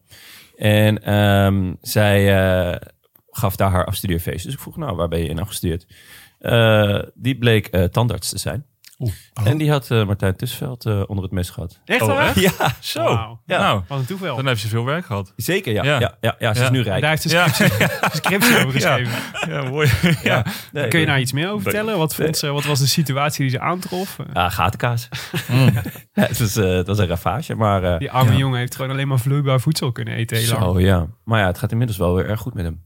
Ja. heeft een goede Tour Guangxi gereden. Ja. ja, en een goede Vuelta. Ja, Ja. Nou ja, het is, het is eh, ja, ik, daar was ik dus ook bij. Ja, dat is echt, eh, dat was al mijn grootste nachtmerrie als renner. Ja. Dat ik me op mijn, op mijn tanden zou vallen. Ja, ja. Ja. Verschrikkelijk. En hij viel ongeveer op al zijn tanden. Ja. Maar het is netjes gefixt, toch? Nou, er is, er is nog wel wat werk volgens mij hoor. Ja, maar het kan netjes Niet om gefixt eh, jouw, eh, jouw café-date eh, Ja, was af te vallen hier. Maar ja, nee, ik, eh, nee, volgens mij eh, moet er nog wel steeds wat werk gedaan worden. Want het was wel echt eh, Ja. overal breuken. En, eh, Ja.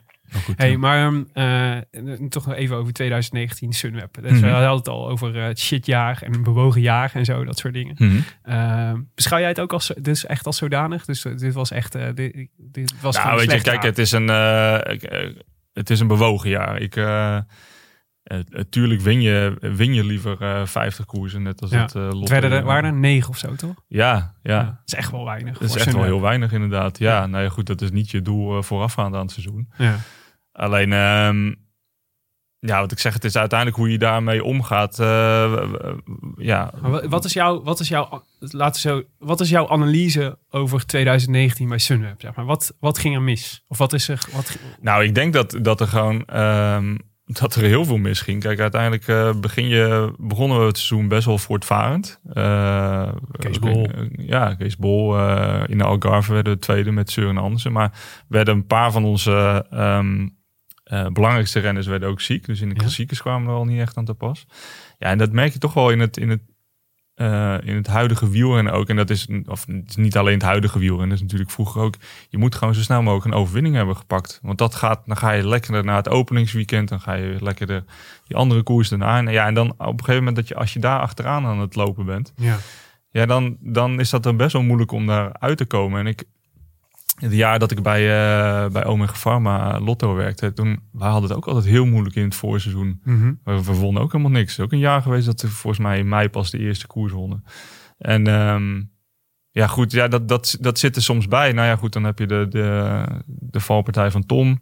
eh, het probleem van Sam. eh, ja, Michael die er allemaal overal net niet aan te pas komt en zo. ja. Ehm, ja, Søren die niet zijn, eh, zijn niveau haalt van het jaar daarvoor Mhm. ja, alles meegenomen. Ja, moet je dan op renners gaan, eh, gaan hopen die ja, nog, nog eigenlijk onervaren zijn, zoals Kees Bol, maar die dan wel een beetje de meubelen redt. ja.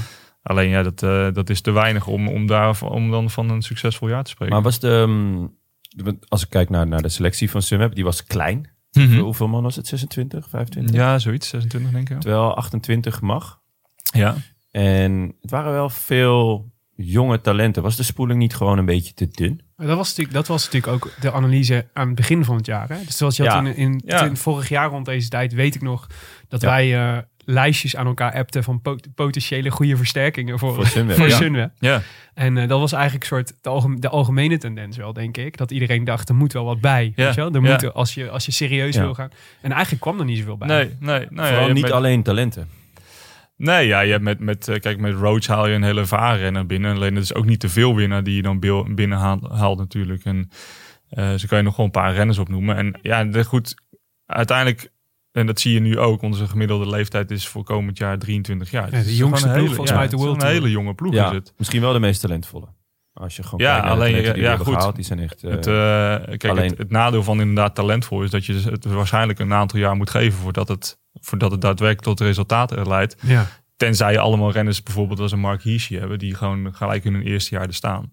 Alleen ja, dat, dat geeft gewoon een andere, ehm, ja, dat, dat geeft een, een, een andere dynamiek in de ploeg, maar ook een, een andere doelstellingen als Ja. je met jongeren, eh, jongeren gaat werken. En dat is, Maar dat was, dat was wel, het is wel, eh, dat voelt, nee, dus in aanvulling op jouw analyse, dus dat zeg maar het, eh, de, de mager bezette roster zeg maar van Mhm. renners. Dus Mhm. dat je, want we hadden echt wel, we dachten echt wel, er moet, er moet iets, er moet veel meer bij dan wat er nu, dat was de Mhm. algemene tendens. Nou, volgens mij is dat gebleken in het jaar, dat dat inderdaad, Ja. dat je dat inderdaad heeft opgebroken. ja, Eh, maar en daarnaast was ook wel dat ik het gevoel had. eh dat was natuurlijk niet alleen ehm, eh, dat Dumoulin viel op een gegeven moment en dat het ernstiger bleek te zijn dan verwacht, maar ook best wel veel ook soort van ongelukkige communicatie vanuit de ploeg die daar dan weer omheen hing, weet je wel? Of Waardoor Ja. ook een soort want ik heb dus eh, je, kunt heel veel pech hebben, maar er ontstond natuurlijk ook echt best een negatieve sfeer rondom Sunweb als Ja. project bijna. Ja.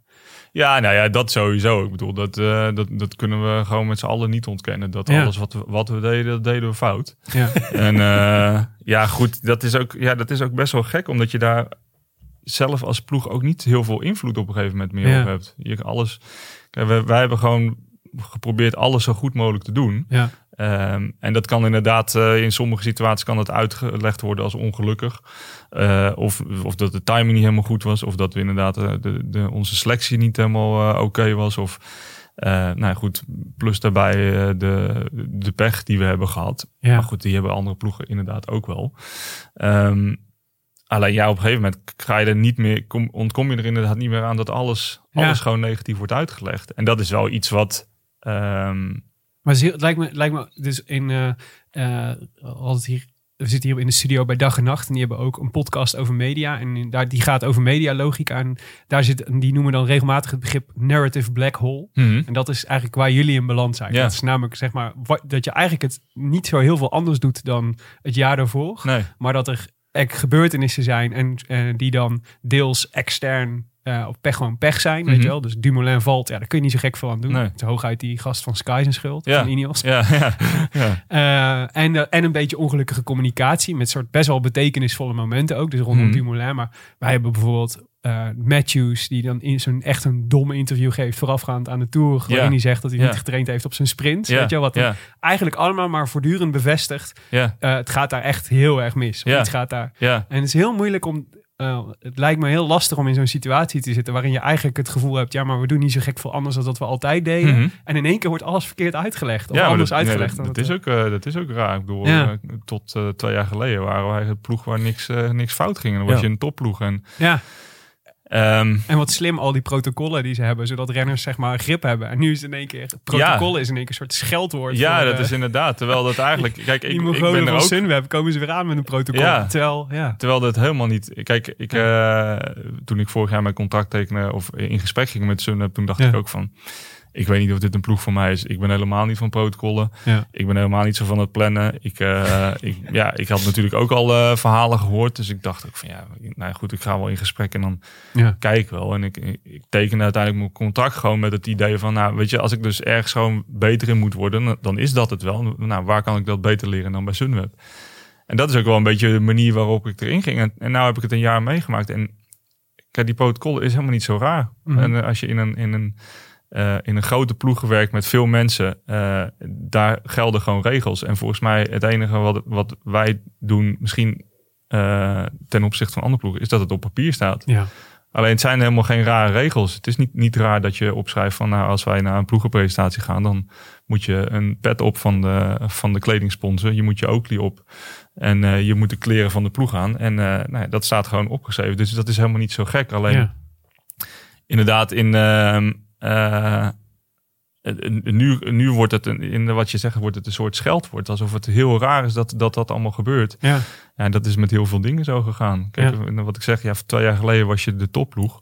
En win je de Giro. En ehm, eh, ja, en toen, lijkt het... Toen, toen spraken we Eike Visbeek. ja. Hm, En die zei Inmiddels toen... weg ook weer. Inmiddels weg, ja. Ja. Ehm, en die zei toen, nou ja, we hebben nu een fantastisch jaar gehad. Over het jaar dat Tom de Giro won. hm, Ehm, en dan het jaar daarop was het het jaar dat ze moesten gaan bevestigen. hm, Nou, dat is enigszins eh, wel gebeurd toen. hm. Maar dit jaar ja, was, was best wel een terugval. Ja. En het was wel een terugval die, als je naar de selectie keek, eh, ja, toch enigszins te verklaren was. Omdat Ja. de spoeling zo dun was. Ja. Nou ja, dat, ik, denk wel, ik denk wel dat dat klopt. En ik denk ook niet dat het, kijk, een Giro winnen is uiteindelijk is het ook het grootste succes van de ploeg. Alleen daarna moet je misschien wel weer opnieuw gaan uitvinden. Ja. En dat is, eh, ja, dat is, kijk, bevestigen is ook altijd, ook altijd moeilijk. Ik zeg ook dat prof worden is ook moeilijk, maar prof Ja. blijven, dat is nog het lastigste. En als jij, eh, als je de Giro wint als ploeg, ja, gaat inderdaad het jaar daarna maar even goed doen. Of nog beter, en dat, dat kan al bijna niet. Ja. Dus uiteindelijk zet je daarmee ook een soort eh, proces in gang waarin je toch mensen van de buitenkant er meer met een vergrootglas op gaan kijken, maar ook mensen binnen de ploeg krijgen een andere verwachting natuurlijk. Ja. Je bent, je bent in één keer de topploeg die ook een grote ronde kan winnen. Want naast Ineos of Sky zijn er gewoon bijna geen ploegen die dat hebben gedaan. Ja.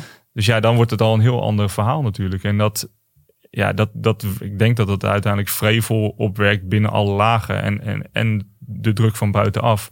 Waardoor je inderdaad eh, in het eh, narrative black hole uh, terechtkomt. ja. Waardoor, waardoor je dus gewoon niks goed kan doen. Is, dit dan, is dat iets waar jullie het met elkaar dan veel over hebben? Ook in de ploeg? Ja, Zeg maar- zeker. Ja, we hebben afgelopen, afgelopen weken met alle coaches bij elkaar gezeten. En dan In het pittoreske Sittard. in het pittoreske Sittard. ja, ja, dat was echt... eh nee, ik ga niks over zeggen. Ja. Ehm, nee, was, was, van Limburg. Ja, ja. Nee, het was, het was hartstikke leuk. en Een leuke, eh, leuke groep. En, dan, en, en, en eh, Rudy Kemna was daar. En Ivan Spekerpink was daar uiteindelijk ook nog. eh, kwam daar ook nog. En dan ook wel... Ik vond het heel bijzonder dat zij ook daar gewoon hun emoties lieten zien over wat dat gewoon met hun doet. Het is toch Mhm. gewoon een project waar zij al... Kijk, ik, ik ben er net een jaar ingestapt. En Ja, ik, ja. Ik heb wel er ideeën over en ik, ik, ik voel er ook wel dingen bij als het, als het heel, als er heel slecht wordt gepraat over die ploeg. ja. Maar ja, ik zit er pas een jaar bij. Ik, het, het, het Ja, dus je kunt het ook nog een beetje van jezelf af. ja, duwen. weet je, ja, ik, weet- ik, ik denk altijd, Ja. ik doe mijn ding en eh, ik, eh, ik, ik denk dat ik dat goed doe. En eh, ja, ze Het kunnen er heel slecht sinds jij er bent. Nee. Nou, ik moet heel eerlijk zeggen, toen ik naar België ging, ging het ook heel slecht met België. dus het is misschien een kausaal verband ertussen. Maar ja, ik, ja, wat ik zei, ik heb ook in ploeg gewerkt waar ik, ook, waar ik ook dit soort dingen heb meegemaakt. En dat hebben zij misschien niet. Dat is bij hun natuurlijk, is altijd goed Het gegaan. is eigenlijk is altijd steeds altijd beter. een stijgende lijn geweest Ja, tot aan de ja. Giro. Ja. En inderdaad-. Shimano. naar- Ja, ja. ze beginnen heel klein, je wordt steeds groter en groter. En op een gegeven moment win je de Giro. Nou, het jaar daarna word je tweede. Nou, voor hetzelfde geld had hij die Giro ook gewonnen. Als Ja. Froome die, eh, die ongelofelijke aanval niet, eh, niet plaatst. Wordt hij tweede in de Tour. Ja, en nu valt het tegen. Ja, dat, dat, Maar de emoties die zij erbij hadden, vond Ja. ik wel... Ja, het is ook wel tekenen. Dat het is, het is wel hun kindje waar, waar je dan aankomt natuurlijk. Nou, en het was, het was natuurlijk ook, zeker bij Spekenbrink, was het natuurlijk ook wel. De kritiek ging natuurlijk ook wel veel en vaak over hem. Ja. Als, als de leider van het project. ja, ja, precies. Dus ik kan me ook voorstellen dat het dan ook je persoonlijk raakt. Ja, nee, dat, dat is ook zo. En, is dan, en is dan, kom je dan tot een conclusie met elkaar van we moeten dingen anders doen? Of we moeten dit project, dit is hoe we dit project zeg maar gaan eh, draaien op een manier die ons gaat redden of gaat helpen in 2020? Nou, ik denk dat je, kijk, wat, wat belangrijk is, is dat je, eh, dat je onderkent dat het, dat het, dat het aanwezig is. Dat, Ja. dat gevoel, dat negatieve gevoel. En eh, ni- niet alleen van buitenaf, maar dat het, dat het, ook, eh, dat het ook aanwakkert binnen de ploeg. Eh, dat is waar je aan moet gaan werken. Het is, het is natuurlijk ook heel makkelijk om, om tegen alles Want aan te gaan schoppen en wat- te gaan klagen. Ja. Wat was de grootste conclusie van de analyse? Bijvoorbeeld afgelopen week zaten jullie met alle ploegleiders bij elkaar. Van goh, wat, wat is er nou misgegaan afgelopen jaar? Wat, wat, waar, waar Nou ja, wij, wij kijk, de, en, en daar zijn ze ook heel eerlijk. De conclusie, zij, zijn, zij zeggen ook niet van, nou jongens, het eh, valt allemaal wel mee en we gaan gewoon weer. Nee, het is gewoon niet goed genoeg. Eh, qua resultaat is het niet goed genoeg. En ehm, alleen ja, waar, waar ligt dat aan? Ligt dat, eh, ligt dat aan de manier waarop wij met renners omgaan? Of eh, ligt dat aan de renners zelf? Nou, ik denk dat, je, eh, dat de grootste conclusie is dat op een gegeven moment als je in een neerwaartse spiraal terechtkomt, dat je moet proberen om het om te draaien. En volgens mij het omdraaien van negativiteit binnen de ploeg, dan moet je daaraan gaan werken. En Mhm. dat is op een gegeven moment komt er een soort, een soort klaagcultuur binnen een organisatie waarin het super makkelijk is om over alles te gaan zitten klagen. Of je nou, of het nou de coaches zijn, of de trainers, of de kleding is niet goed, of de fietsen. eh, eh, Alles op een gegeven moment ehm, wordt als negatief beschouwd. Maar dan ga je er nooit uitkomen natuurlijk. Dan kun je nog zo hard trainen, je kunt nog zo goed je best doen. Alleen als dat de tendens is binnen de ploeg, daar moet je, daar moet je aan gaan werken. En Ja. ik denk dat, dat dat de grootste conclusie is. En nou, wat ik zeg, weet je, we hebben, we hebben een hele jonge ploeg, een talentvolle ploeg. Eh, die gaan ook alleen maar goed functioneren en, eh, en evolueren op het moment dat je een, een, een positieve topsportcultuur in je ploeg hebt. En Ja. dat, dat is wel een beetje wat er mis is gegaan de laatste, laatste jaren. Vind jij het eh, jammer dat Dumoulin vertrokken is? Ja, kijk, persoonlijk eh, vind ik het jammer omdat het. ik, ik heb er vier dagen mee samengewerkt in de Giro. Ik had me leuk- fantastische ja, vier. Het was fantastisch inderdaad. Het had me leuk geleken om, om, om langer met hem samen te werken, omdat je het ook wel iemand is waar ik veel van kan leren. Ja. Terwijl, En het is gewoon ja, een geweldig, de beste Nederlandse renner is. ja, ja, en het is, eh, ik vind, het is voor een coach ook bijzonder om met zulke mensen te werken en, Ja. en, en daarvan te leren. En hij hopelijk ook van jou. Dus je hoopt, je hoopt ergens dat je je invloed hebt op zijn presteren en je hoopt eh, dat hij eh, invloed heeft op jouw manier van coachen. Dus voor, persoonlijk vind ik, vind ik dat jammer dat ik er niet zoveel van heb geleerd en Ja. ik niet met hem samenwerk. Maar ja, aan de andere kant, er is ook een leven na Tom Dumoulin. En ehm, eh, ja, ik denk dat dat, dat, ja, dat huwelijk was gewoon op. Ja.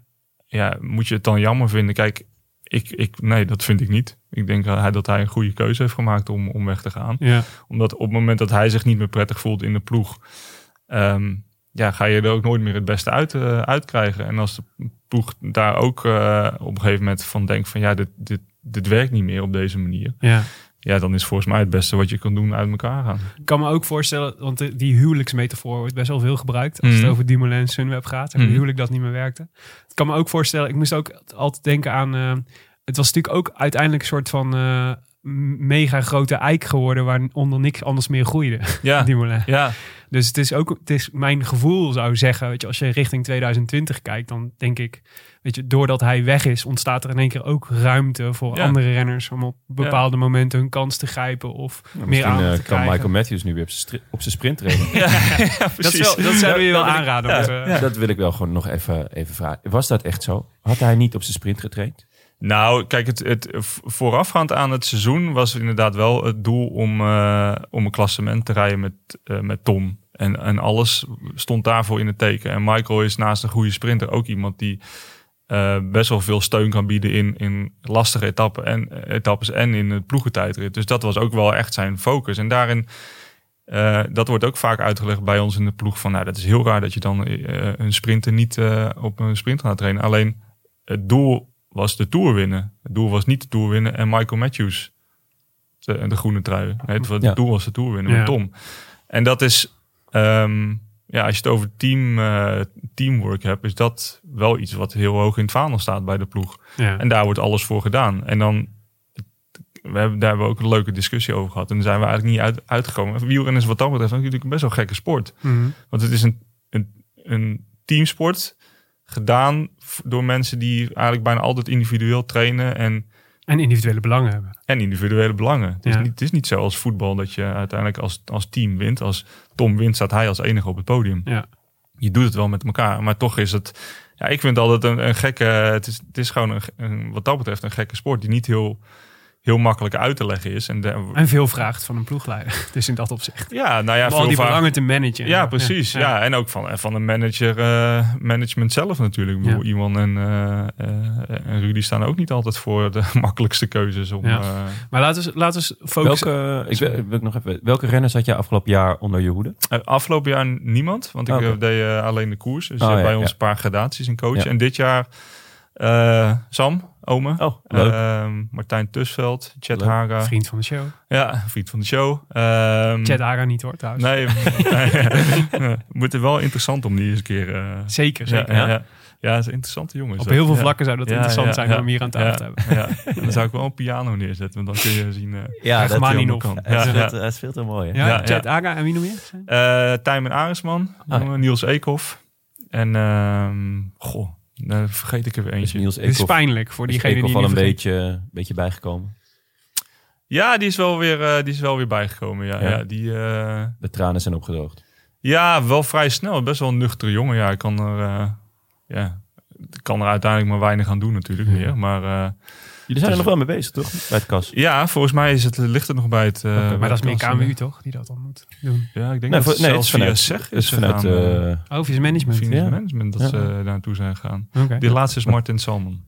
Sorry. Heel goed. Sorry, nee, maar het is belangrijk dat we die even noemen. Ja, ja, ja. Dat Ja, verweesde jongen. ja precies. Hey, maar dus, ehm, eh, wat is die, wat daar, eh, dus de, de eik Dumoulin die wegvalt, zeg maar, Mhm. en die dan ruimte schept voor nieuw. Neem ons eens even mee door het, door de, want je, hebt- je noemt nu een aantal namen van jongens die jij onder je, onder je Mhm. hoede hebt.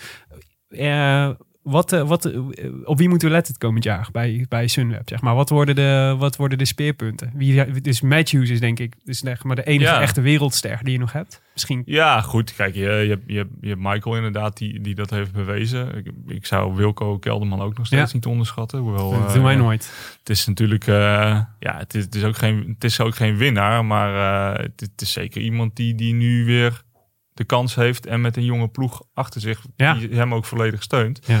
Dat hij zich, eh, ja, dat Wat gaat hij rijden dit jaar? Weet je dat? al? Nee, weet ik niet. We zijn, we zijn nog wel met de programma's bezig. Dus dat is een beetje... dat, is natuurlijk ook gek, want dat is, ook die grote rondes waren natuurlijk helemaal afgestemd op wat wil Tom. Ja. Toch? Nou ja, dat ook. Ja, goed. eh, ehm, wat, wat logisch eh, was op een gegeven op het moment dat je een, eh, ehm, een grote ronde winnaar Ja. binnen je ploeg hebt, waar er niet zo heel veel van zijn in het peloton, is dat logisch dat daar alles wordt o- op Maar, afgestemd. maar nu dan, Giro Tour Vuelta. Is dat dan, is, mag, is het dan, gaat het dan zo dat eh, nu zeg maar de next in line zou dan Kelderman zijn? ja, denk ik. Kelderman, kijk als je naar het klassement Dus die mag dan, zou dan eh, mogen kiezen waar die, wat hij gaat rijden? Nou ja, kiezen, mm, dat, dat zal in goed overleg gaan met de ploeg. Maar er is wel iemand die natuurlijk eh, heeft bewezen dat hij een kort klassement kan rijden. ja. Ehm, ja, goed, Maar het is niet eh, zo, eh, wordt hij nu kopman in de Tour? Dat is eigenlijk de vraag. Of, nee, dat weet, ik, dat weet ik nog niet. Oké. Nee. En eh, mijn boy Tish natuurlijk. Ja, Dat is Ja, natuurlijk dit is echt een grote, grote een grote aankoop. in mijn, aanwinst. in mijn zeker voor jou ja. ook, zeg maar, met je Ja. focus op het voorjaar. Ja, precies. Nou, Ja. Dat, dat, dat is ook een renner die, ehm, die zijn mannetje gaat staan.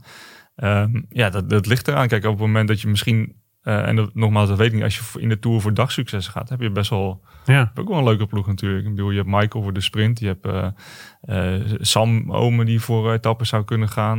Ja. een paar goede tijdrijders nog. Dus het is helemaal niet...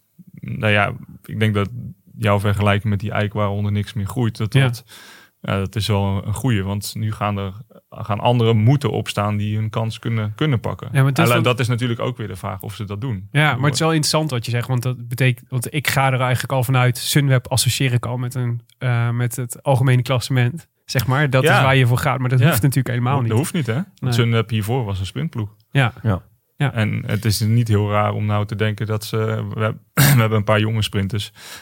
Sowieso met Kees voorop en met, met Michael. Maar eh, we hebben Italiaan aangetrokken, Dainese. ja. Ja. ook van Zeg, toch? Want die- Gigantisch talent. Gigantisch talent inderdaad. Ja. Dus het is niet heel raar. We hebben Niels Eekhoff die eh, goed kan sprinten. Ja. Max Kanter. Het zijn, dat zijn jonge gasten. En nogmaals, die hebben, die hebben wel tijd nodig. Ja. Maar het is ook niet heel raar om te denken dat dat misschien het volgende gaat zijn... wat binnen de ploeg weer wat meer gaat leven. ja, Omdat het verlies van Tom is natuurlijk een groot verlies. Omdat dat ja, naast eh, Froome en uh, Geraint Thomas en Bernal... ja, het gewoon de enige die een grote ronde heeft eh, ja, gewonnen de laatste tijd. ja.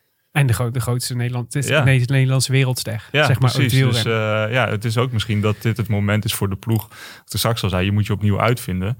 Dat je je opnieuw uitvindt als sprintploeg misschien. Ja. En, en voor dagsuccessen gaat in de grote rondes. ja.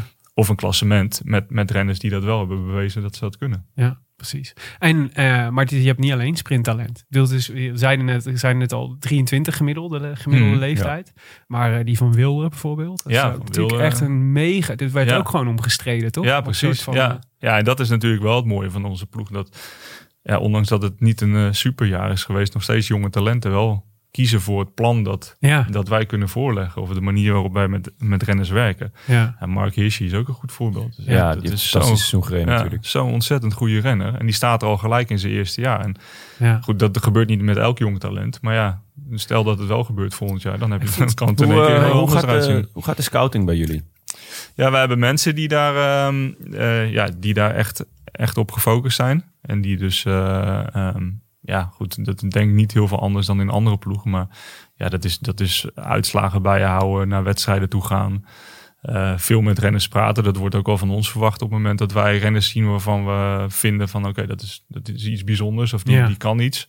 Dat wij daarmee gaan praten. En ja, uiteindelijk wordt, wordt met die renners wordt een, een eh, gesprek aangegaan waarin ja, Met wie heb jij dat gedaan de Ja, afgelopen vind tijd? ik ook wel leuk om te weten. nou, ik heb eh, eigenlijk eh, geen, geen gesprekken eh, gedaan. Maar ehm, eh, ja, als wij, als wij renners hebben die eh, Nieuw-Zeeland... Ik ben nu even heel veel zijn naam kwijt. Die nou naar Jumbo gaat.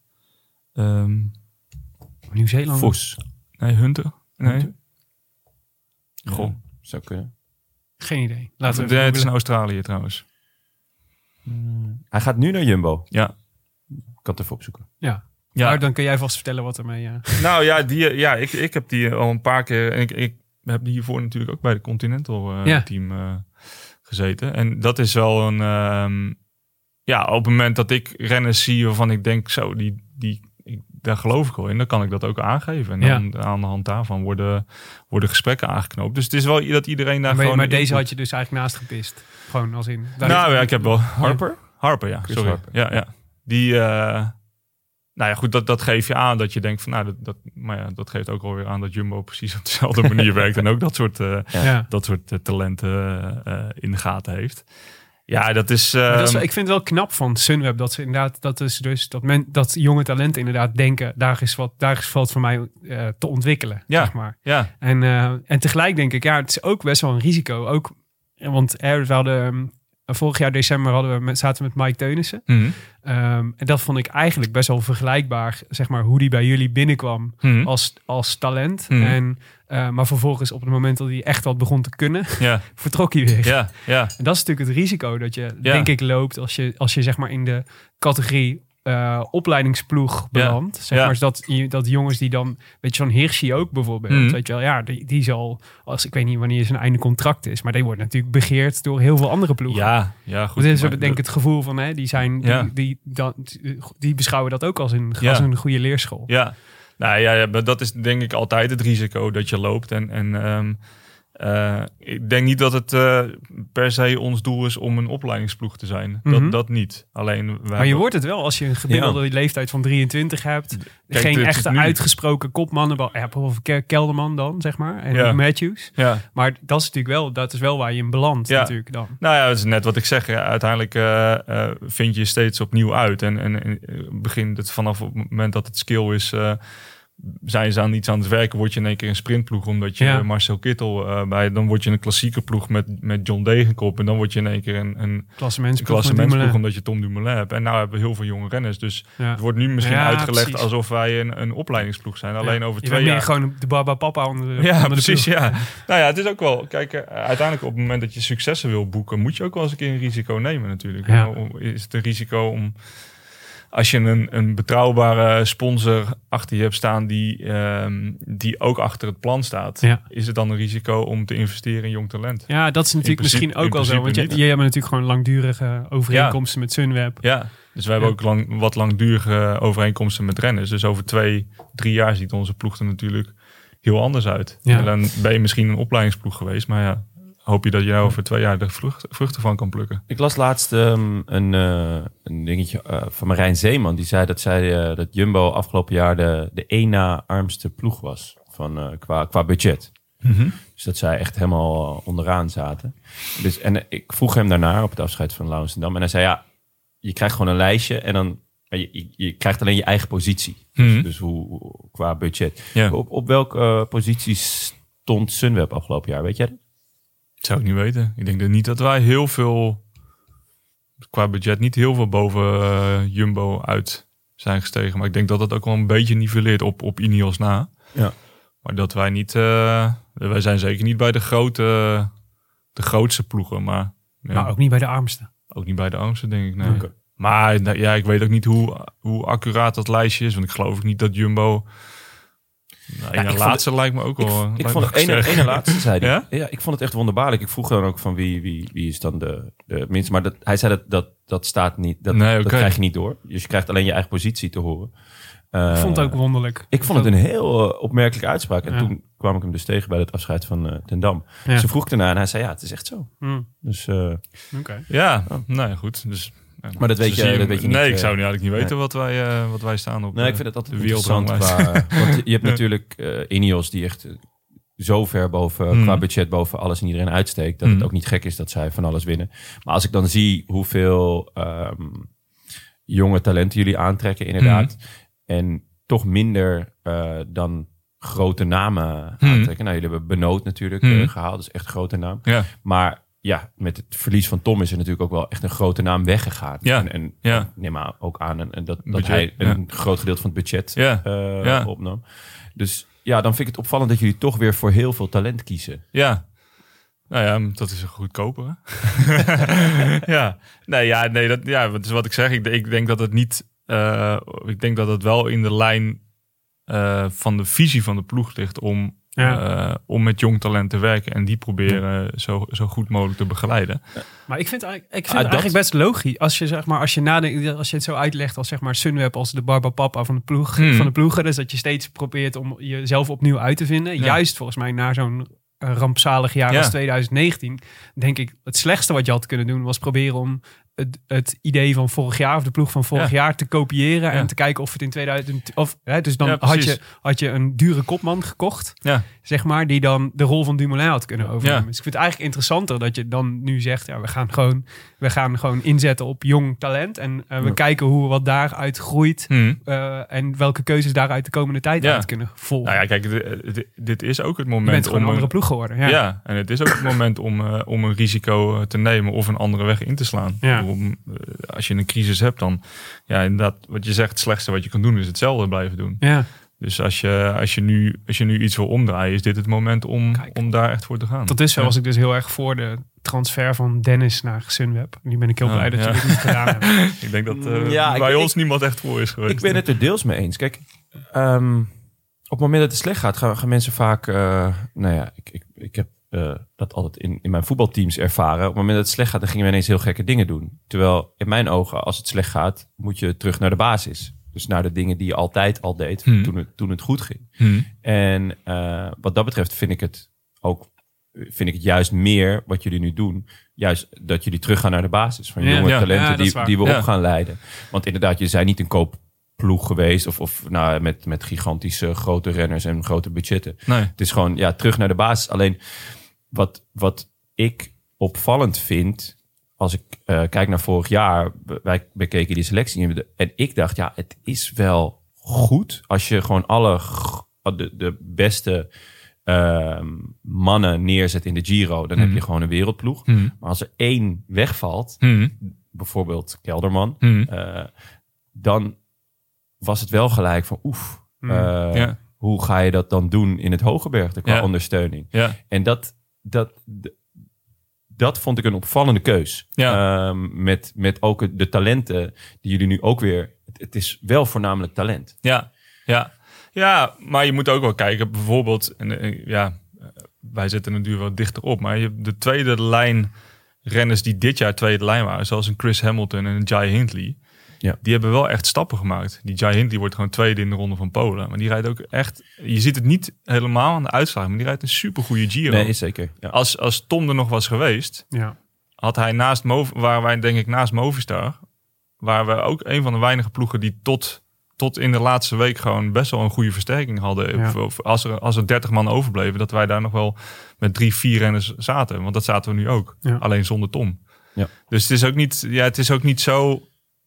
Eh, het lijkt slechter dan op, op, papier lijkt het dan slechter dan dat het uiteindelijk is. Omdat je gewoon, we zijn al eh, talenten aan het opleiden en talenten breken al door. Alleen net, net wat achtermannen zoals Kelderman, zoals, zoals Tom. Ja. En dan, ja, daar, daar groot publiek let daar ook iets minder op. Ja. Het lijkt me, lijkt me voor jou ook. eh, dit- we hebben een aantal. eh, misschien moeten we even naar de luisteraars vragen. Er zit één vraag van Daniel Herbers. Die, eh, die vroeg. want we vragen dan altijd mensen. Hebben jullie Mhm. vragen aan onze gast van vandaag? Daniel Herbers die vroeg oh, of jij komend jaar nog net zo gemotiveerd bent zonder als met Tom in de ploeg. En eigenlijk zou ik, zeg maar, qua context zou willen zeggen of willen vragen. Ja, maar ehm, eigenlijk lijkt me dat het voor jou als ploegleider eigenlijk een veel interessanter jaar is. Ja, maar dit is, dit Want je kunt eigenlijk met wat jij zei over, eh, weet je, je kunt eigenlijk veel meer toevoegen als ploegleider. Ja, maar dit vind ik ook gek. Dit vind ik ook het leukste. Ik bedoel, Mhm. eh, het, 2011 is een wonderjaar met, met Gilbert. ja, Dus wat je net zegt, dan is het niet zo heel moeilijk. ja, En ik heb ook bij, ehm, nou goed, ik, ik tekende voor Rabobank en dat werd toen Blanco. ja, Ja, iedereen was in paniek en dat was, iedereen was uit zijn comfortzone. Dat is echt mijn allermooiste jaar geweest. Want iedereen ging tien stappen extra zetten. ja. Omdat ze dachten van ja, we, halverwege het eh, jaar is het geld op en dan eh, zitten we allemaal zonder baan.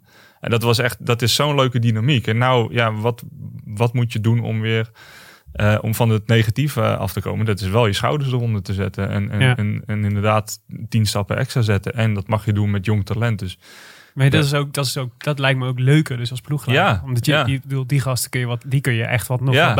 bijbrengen. En eh, hoe, hoe mooi is het als we het weer op niveau krijgen? Dan, eh, dan ben je daar ook deel van, heb je daar ook deel van uitgemaakt. Het is niet alleen maar in de goede tijden dat je natuurlijk eh, de credits kan, eh, kan Ja. opstrijken. En nee, ik ben zeker net zo gemotiveerd als toen, eh, toen Tom er was. En nogmaals, toen Tom er was vorig jaar, vond ik het ook ongelooflijk mooi om naar de Giro te mogen gaan. Ja, Ehm, Maar ja, hoe mooi zou het zijn als we nu naar de Giro gaan met de jonge ploeg en een van die jonge gasten wint een etappe. Ja, of rijdt op 10. Ja, rijdt Ja. op 10. Ik bedoel, dan heb Ja. ik ook een prima, prima Giro gehad. Jeroen van Brugge die vroeg welke les of tip die je zelf als renner nooit gekregen hebt, geef je nu mee aan je eigen pupillen. Hmm. Pupillen is een beetje te klein misschien. Aan je eigen talent. Ja, mijn pupil. Je boys. Ja, mijn boys. Ehm, nou, als ik, als ik terugkijk, ik weet niet of ik die, ja, die tip nooit gehad heb. Waarschijnlijk heb ik die wel ooit gehad, maar heb ik daar niks mee gedaan. Als ik zelf terugkijk naar mijn carrière, was ik altijd... Heb ik helemaal niet genoten van wat ik heb gedaan. Mhm. Ik, ik, ik vond het heel leuk om wielrenner te zijn. Maar ik was altijd heel, ik was zelf altijd heel gestrest en nerveus. En je maakt je druk om heel veel dingen. Terwijl Ja. ja, uiteindelijk is het je passie. En ik, dat, je, ik zie wel bij veel renners dat ze, dat ze ook vergeten te genieten van wat ze aan het doen zijn. En dat vind ik, wel, eh, dat vind ik ook wel belangrijk om dat een beetje aan te wakkeren als, als coach. Je begreep eh Geraint Thomas wel. Dat hij eh, een half jaar lang zijn, eh, zijn Tour de France overwinning heeft gevierd. Ja, Ja, nee, dat vind ja eh, nou ja, ja, kijk, ook, maar ook als je niet wint, ik bedoel, eh, ja, zo'n Giro, weet je, het, met terugwerkende kracht is het mooiste wat ik heb gedaan. Ook Ja. tijdens vond ik het ook heel mooi, maar ja, je, je- toch op een gegeven moment als je aan de andere kant van, van, het, van het spectrum zit als ploegleider, dan ga je in één keer, dan zie je in één keer wat de gekke dingen renners soms doen, of wat, Ja. wat voor gekke fratsen ze uithalen, of hoe zagrijnig ze kunnen zijn na een koers. En dat was ik zelf ook. Als ik, als ik niet goed had gepresteerd, dan kon, was ik ook een dag niet aanspreekbaar. Terwijl Maar het was Ja, ook een beetje het zelfinzicht van Dumoulin, toch? Van, het afgelopen, van de afgelopen Ja, ja, het, ik denk dat het juist heel belangrijk is dat Ja. je dat ook wel leert te zien van, van het is eigenlijk schitterend wat ik aan het doen ben. ja, Ja. alleen het, het, het, het hele nare is dat je dat eigenlijk iedereen pas na zijn carrière eh, ontdekt. Ja. Nou ja, ik, ik En vond dat is echt, eh, dat is echt een mindfuck. Want Ik had het in de intro had ik het eh, over die eh, bikepacking tocht van eh, Hofstede en Sam Ja. Omen en eh, Anton Tolhoek in Ja, Thailand. Ik had ze met echt heel veel plezier op Instagram gevolgd. eh, Ja. hoe ze, ja, ik dacht ik, hier straalt wel echt, Ja. als je zeg maar het plezier kunt vinden in na een seizoen wielrennen, gewoon met elkaar Ja. eh, door Thailand te gaan fietsen. ja, precies. Ja. Kijk, dat is, dat straalt natuurlijk zoveel eh, Ja. Lol uit van dat je denkt, dit is, zo, dit is het allerleukste wat we kunnen doen. ja, en dat, dat, dat, dat moet je proberen vasthouden. Dat is heel moeilijk. echt knap omdat- van die jongens. Want het zijn, al, het zijn gewoon allemaal jonge gasten. Dus Ja. het geeft in ieder geval go- goede hoop dat ze dat gevoel wel hebben. Ja, Van, eh, inderdaad. Ja, ja. en dat is waarschijnlijk ook. een- Kijk, het zijn allemaal een, een bepaald soort types die dat, die dat natuurlijk bij elkaar op gaan zoeken. En Ja.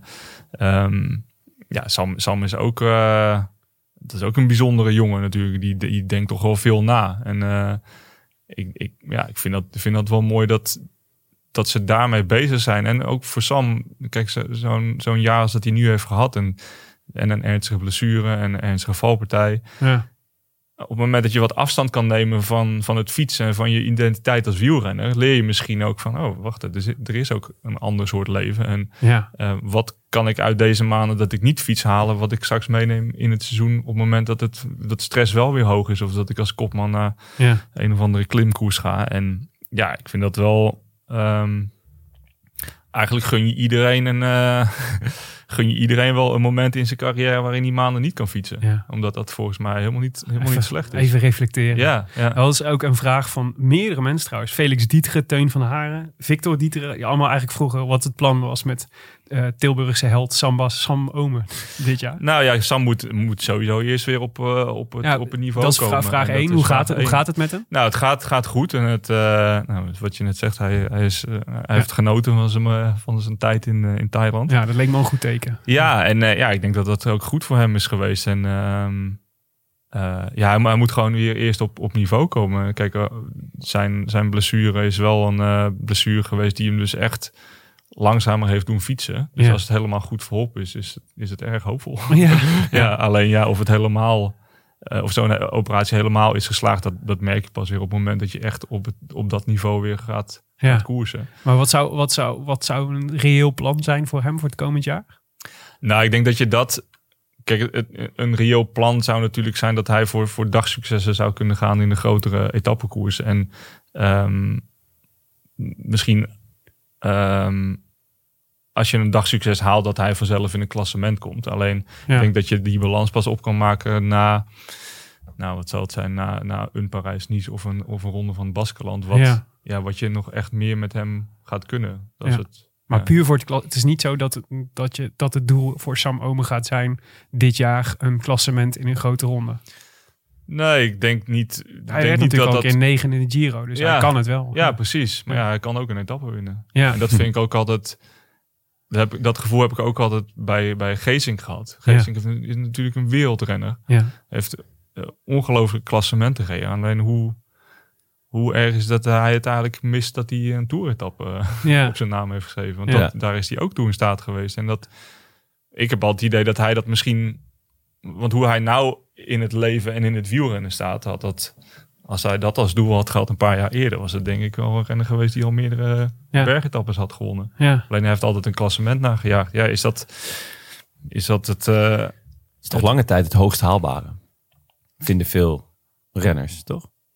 Ja, en dat snap ik ook heel goed. En, en, en als je wordt gelabeld als klassementsrenner of vindt dat je dat zelf Ja. ook bent, snap ik dat ook wel.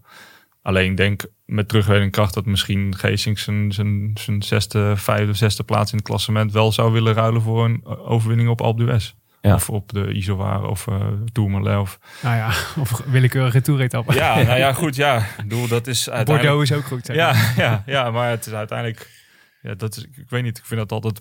Ik vind het al moeilijk. Misschien dat ik er helemaal niet over kan oordelen, omdat ik zelf geen klassementsrenner was. Maar Ja. ja, als je vraagt, eh, dus aan elke willekeurige Nederlander van uh, hoeveelste was uh, Geesink in dat jaar in het klassement, dan zeggen ze waarschijnlijk niks. Terwijl als hij misschien op Alpe d'Huez had gewonnen, dat iedereen dat nog voor zijn geest kan houden. Ja, Ja. ja. Dat, Denk, dat, dat, dat nog een- dat, dat Nou zijn ja, dus de dingetjes. waar was jij toen De, Geesink? de eh, vergelijking is natuurlijk Michael Bogert, die ook gewoon vijfde in de Tour is geworden. Ja, ja. Maar iedereen heeft het over zijn overwinning op Alpe d'Huez. Ja, ja, ja. Ja. Dus eh, dat is allemaal. eh, Ja. ja, dus dat is Op lastig. La Plagne. La Plagne, ja. sorry. Ja, ik was toen op vakantie in Marokko, dus ik eh. Hey, Ezra Meijer die vraagt eh, dat je, je was in de running om eventueel bondscoach te worden. Ja. Eh, en je gaf toen aan dat je daar nog niet klaar voor was. Ja. Ehm, is het überhaupt een ambitie van je? En zo ja, wat eh, heb je nog te leren voordat je er wel klaar voor bent? En was Mathieu wel wereldkampioen geworden als jij erbij was?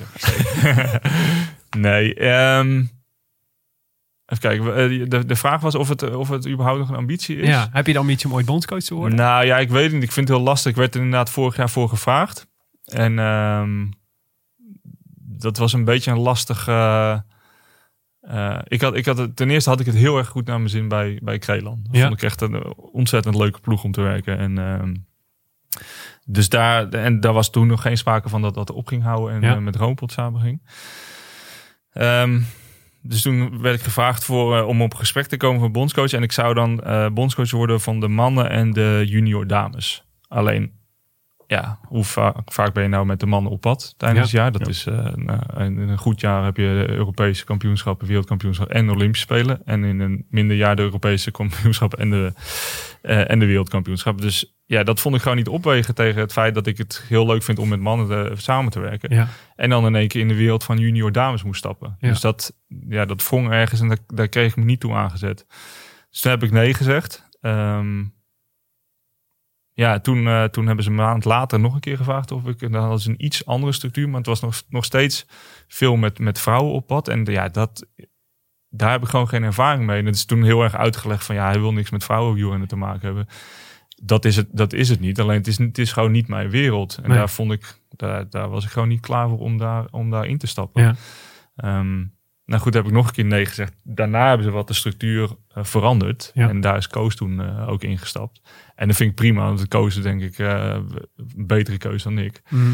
Ehm, maar ja, hoe lang ik er nu over nadenk. Nee, ik, zei, ik zei, heb niet de ambitie denk ik Nee? nog om, om ooit bondscoach te worden. Nee, ik vind het... wat ik nu doe, vind ik echt, vind ik echt heel leuk. Dus ik hoef dat, ik hoef dat niet per se. Nee. Ja. Nee. En was met jij wereldkampioen geworden met jou als ploegleider? Nou, nee, ik denk dat... eh, Was er iets wat... Nee, oké, laten we het anders vragen. Was er iets dat de ploegleider had kunnen doen om te voorkomen dat dit scenario zich ontvouwde? Nee. Nee, tegen een hongerklop kan je niks doen. Nou, Ik eten. Ja, maar dat, eh, ik kan me niet voorstellen dat Koos Moerhout niet heeft gezegd een paar keer in de... In de hebben ze met radiootjes gereden? Het mag niet tijdens het WK, Nee, toch? Wacht niet, hè? nee. Nee. Nou goed, ik Dus ze denk dat hij in de elkaar voorbespreking eh, genoeg heeft gezegd dat ze moeten eten en drinken. Dus eh, dat, ja, daar kan je als ploegleider weinig tegen doen. Ja. Dat, eh, dat gebeurt mij ook nog eh, regelmatig eh, tijdens de koers met renners. Terwijl ik ook Wat? Dat je het vergeet om te zeggen. Nee, nee, nee. Ja, nee Dat jij vergeet eten. Ja, dat ik vergeet eten. Zo'n klop achter het erg, stuur. ja. ja, nee, ja, dat je, dat je het wel tien keer kan zeggen, maar dat het toch gebeurt bij een renner. Ja, dat, dat, daar heb je weinig, eh, weinig invloed op. Ja. ja, ja. Oké. Ehm, welke renner zou je graag in je team hebben? Vraagt Mark de Lepper. Wie is de Jim Morrison van het peloton? Dat is eigenlijk de verborgen vraag. Jeetje. Ja, dat is toch Sagan, toch? Ja, het is wel een rockster in ieder geval. Ja, het is wel een rockster, ja. Ik heb niet zo, ik heb niet dat ik, ik heb geen renners waarvan ik denk, daar zou ik nog echt mee samen willen werken. Nee? Of die je gewoon echt heel goed vindt. Of, Die ik heel goed of, vind. wo- of be- bewonder. Eh, Ehm, Of is dat, valt dat dat gewoon een weg als je deel uitmaakt van die wereld? ja, dat denk, ik, dat denk ik wel. Dan wordt het in één, dus ik kan me voorstellen, dan wordt het in één keer dat gewoon dat- echte denk- mensen. ja, het is moeilijk, dat dat moeilijker om soort Ja, dat dat wel is. Ik heb, niet, ik heb geen renners waarvan ik... Ik zou eerder met iemand samenwerken van, ik- waarvan ik denk van die, ik heel, die zou ik heel grappig vinden. Of die zou ik heel... Dat is een sympathiek gast. Ja, Wie dan? Maar eh, nou, ik vond het bijvoorbeeld heel leuk met Jos van Emden altijd. Ja. Ja, dat was gewoon... Ja, dat is een beetje mijn, mijn bloedgroep. Dus dat vond ik, vond ik leuk om mee samen te werken. ja. Maar ik heb niet dat ik... ik nee, eh, met, met status heb ik dan weer niet zoveel. Ik Ja. niet, eh, ik zou die kampioen En zijn. eh, als we het doortrekken naar een ploeg, stel Sunweb houdt op te bestaan. Welke ploeg zou je nou, of zijn eh, er ook weinig. waar, waar zou je nou graag nog werken? Waarvan je denkt, ah, dat is- vind ik wel een vette ploeg. Ja, ik, heb, ik, ik vond BMC altijd een hele mooie ploeg. Ja. Maar nu het CCC is, Nee, heb ik er niet zoveel mee. Snap ik wel. Hele Ehm, Poolse vibes krijg je. ja. Nou ja, ja misschien, misschien Quickstep. Ik, dat ik, dat, nee, ik denk dat dat nog wel een ploeg is waarvan ik- daar ik ooit zou willen Mitchelton? werken. Ja, die noemen mensen vaak, hè? Ja, Ja, nee. Nee? Heb ik, nee, heb ik niet. En ik heb ook niet zo... Ja, nee, ik zou ook niet per se in Frankrijk hoeven werken. Nee, nee. We hebben nog een eh, vraag van Arjen Westerveld. Die eh, scrolde door het nieuws, nieuws, ar- nieuwsarchief. Eh, en die kwam een, een kop tegen. Michiel Elijzen. Van halve prijsrijders krijg ik de scheid. ja. ja, dat werd me toen niet heel erg in dank afgenomen. Was Is dat, is dat in je, in je uitgesproken periode? Ja, nou, dat was, ik heb eh, toen. Eh, hoe zat dat nou? Ik werkte bij, bij, bij Lotto en eh, Nando Boers, de, de Ja. journalist, die ging toen een dagje met mij mee in Hamburg. En die interviewde mij eigenlijk tijdens de koers. En toen eh, hadden ze volgens mij net bij, ehm, bij Rabobank hadden ze Mark Renshaw aangetrokken als sprinter. En je had Theo Bos dus ook als sprinter. Ja. Oh ja, voor Renshaw ging Ja, het, ja. ja. En, eh, en ik zei toen van ja, die Rancho, dat is natuurlijk gewoon een sprint aantrekker. Die heeft wel eens een keer een sprint gewonnen. Maar ja, dat, eh, dat gaat natuurlijk, dat gaat nooit de topsprinter worden die, die denkt of die Rabobank denkt. En dus ja, daar heb ik echt eh, van die gasten die dan inderdaad zo ja, denken dat ze er nog, nog gaan winnen. En, Ja. en dan een halve prijs. Ik zeg, daar heb ik echt helemaal niks mee. Of dus ik krijg een schijf van. en toen denk ik, Hamburg, ja, dat is eh, net na. Nou, ik denk drie weken later werd ik gebeld door Rabobank of ik daar wilde komen ploegleiden. toen heb ik ja gezegd. Maar toen moest ik wel eerst mijn. eh, toen vonden ze wel dat ik eerst mijn excuus aan moest bieden aan Mark Renshaw. Want daar ging ik dus mee samenwerken. Maar dat heb ik niet gedaan. Dat, eh, Nee? nee ik is niet- het wel, is nee. het, is het Ja, heel goed. dat Ik in de heb- relatie? Nee, nee, nee. Ik heb heel goed met Mark Renshaw samengewerkt. En hij was ook een voorbeeldige sprint aantrekker voor Theo Bos. Maar Ja. Nee, ja, je hebt natuurlijk heel veel, heel veel renners die. die ehm, en daar doelde ik eigenlijk op.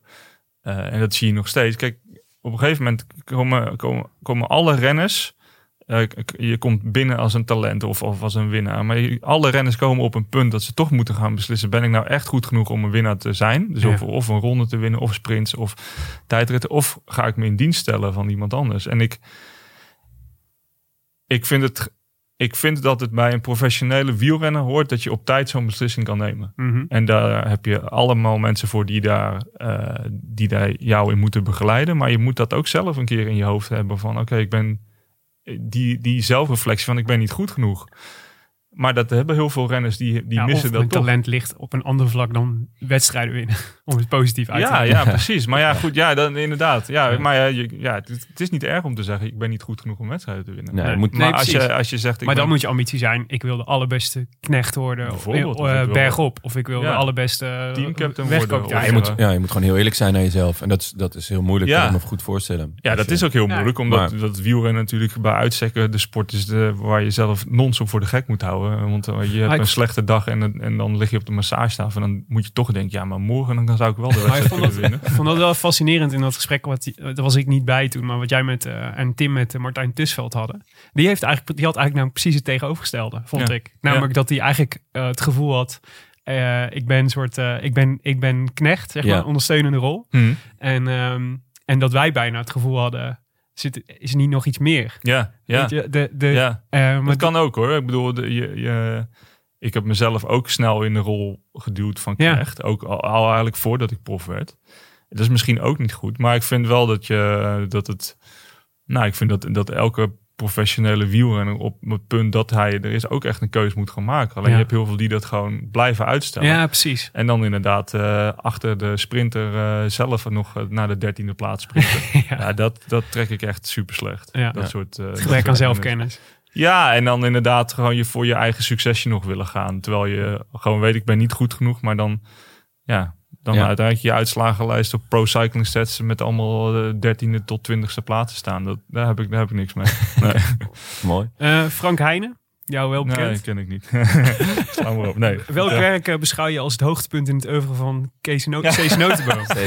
Ja. Ja. Nou, ik zou dit verhaal hierachter vertellen. hoe ik eh, Frank leerde kennen en ook eh, mijn goede vriend Menno Haanstra. Ik weet niet of die kennen jullie Zeker, zeker. wel. zijn met Menno eh, zaten op de boot naar, eh, terug vanuit eh, Yorkshire. Vanuit Oh ja, oké. Nou, Ja. dan... eh, ehm, En we hebben ooit Fabio, Fabio Jacobsen zat vorig jaar in een special. En Oh, toen ja. Menno is natuurlijk een verhalen aan het schrijven Ja, over. Fabio en, Julius, van den Berg. Ja, ja. Dus die, dus ja, zeker. Ja.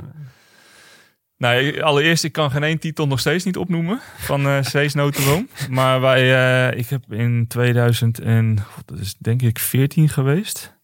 Eh is dat goed? Ja, of 13, 13 denk ik. Toen eh, werd er een eh literatuurquiz georganiseerd in Utrecht door Frank Heijnen in zijn stamkroeg.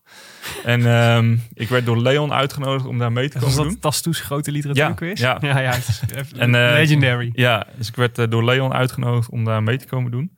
En toen kwam ik bij Menno Haanstra in het team, die ik nog niet kende, maar dat was, was, was ons team, Leon en Menno en ik. En de allereerste vraag van de literatuurquiz, noem zoveel mogelijk titels van Cees Notenboom. Mhm. Dat is schijnbaar de meest productieve schrijver ooit geweest in Nederland. Hij had 75 titels en wij kennen er geen één. Met z'n drieën niet. en er is een foto van ons dat wij heel, heel geïnteresseerd zo in de lucht zitten te kijken. Zo uh, smelle fart look. En, ehm, ja, en wij konden er niks opnoemen. We werden ook netjes 26e denk ik van de, van de 27 Ja, of zo. Maar ja. eh, nee, ik ken er nog steeds geen Dan één. krijg je ze drie, eh, drie knechten in Ja, het team. precies. Ja, ja dus eh, helaas eh, Frank, ik moet je nog steeds de titel verschuldigd blijven. Ja, ja, Frank Heijn heb ik wel ge- regelmatig een boek gelezen. Dus, eh, maar, eh, En ja, columns, En columns, ja, ja. Ja. Maar eh Cees nog, nog steeds niet. Tof. hey, eh, laatste, laatste vraag. Eh, want het, eh, 2020 komt eraan. Dat is Mhm. natuurlijk het grote nieuwe seizoen. Dat betekent ook dat wij onze pronootjes weer moeten maken. En, eh, en onze, en volgens mij, eh, Jonne, je gi- Gigabike eh, team. Mijn spot. gigabyte. Oh, ja, ja, ja, ja, ja. Ja. Welke, Voor de echte freaks. ja, dus eh, inderdaad, ik- Sunweb hebben we het natuurlijk al een beetje over gehad. Over dit eh, Mhm. talentploeg, zeg maar. Wie, eh, wie, wie ga jij, eh, van wie heb jij de hoge verwachtingen komend seizoen?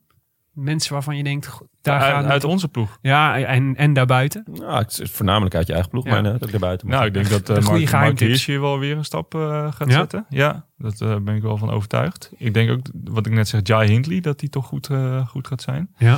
Ja, en ik verwacht eh, toch eh, de, de, de stap van, van Kees en, en van Alberto Dainese. Ja. ja, dat die... eh, En wat is de stap van Kees dan? Ja, Kees natuurlijk, dat is een, dat is een apart soort ras. Hè? Vriend van de show, hij- Ja. Vriend van de show, zeker. Ja, en een apart soort. eh, het is, hij is oersterk. Ja. Hij kan sprints winnen, maar in principe is het niet. Ja, het is niet zo'n. zo'n het is geen Mark Cavendish. Nee.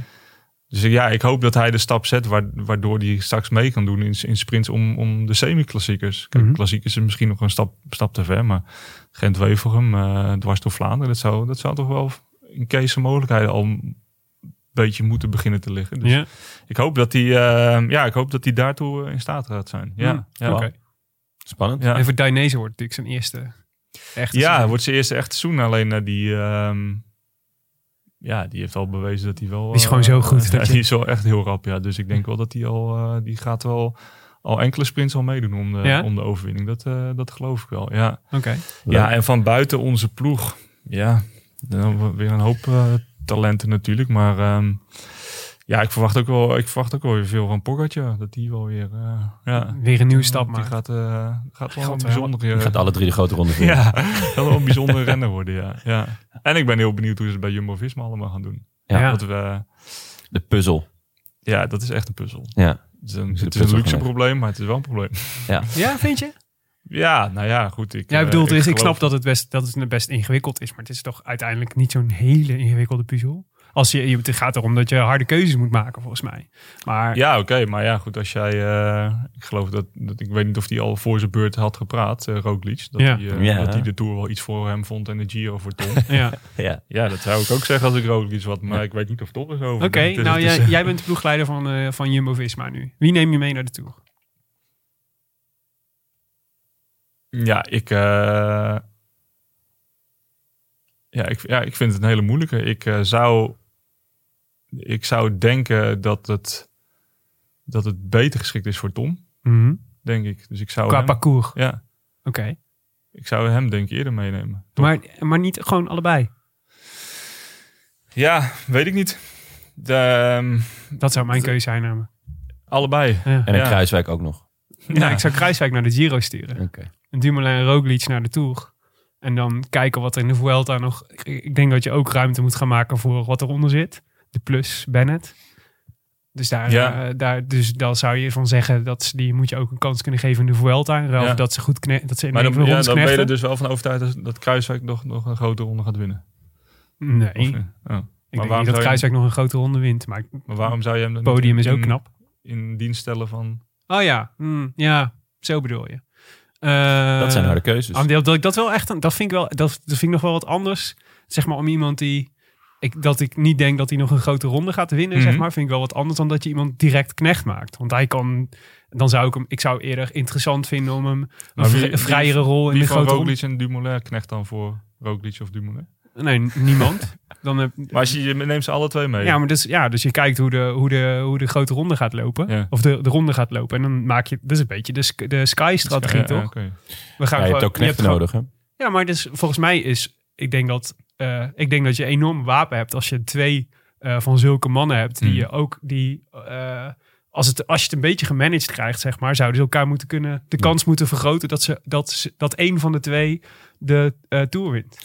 Ja, En maar- ik denk dat, ik denk eerlijk gezegd voor J- Jumbo Visma zou ik zeggen dat Dumoulin natuurlijk de aantrekkelijkste keuze is Hmm. om de tour te laten winnen.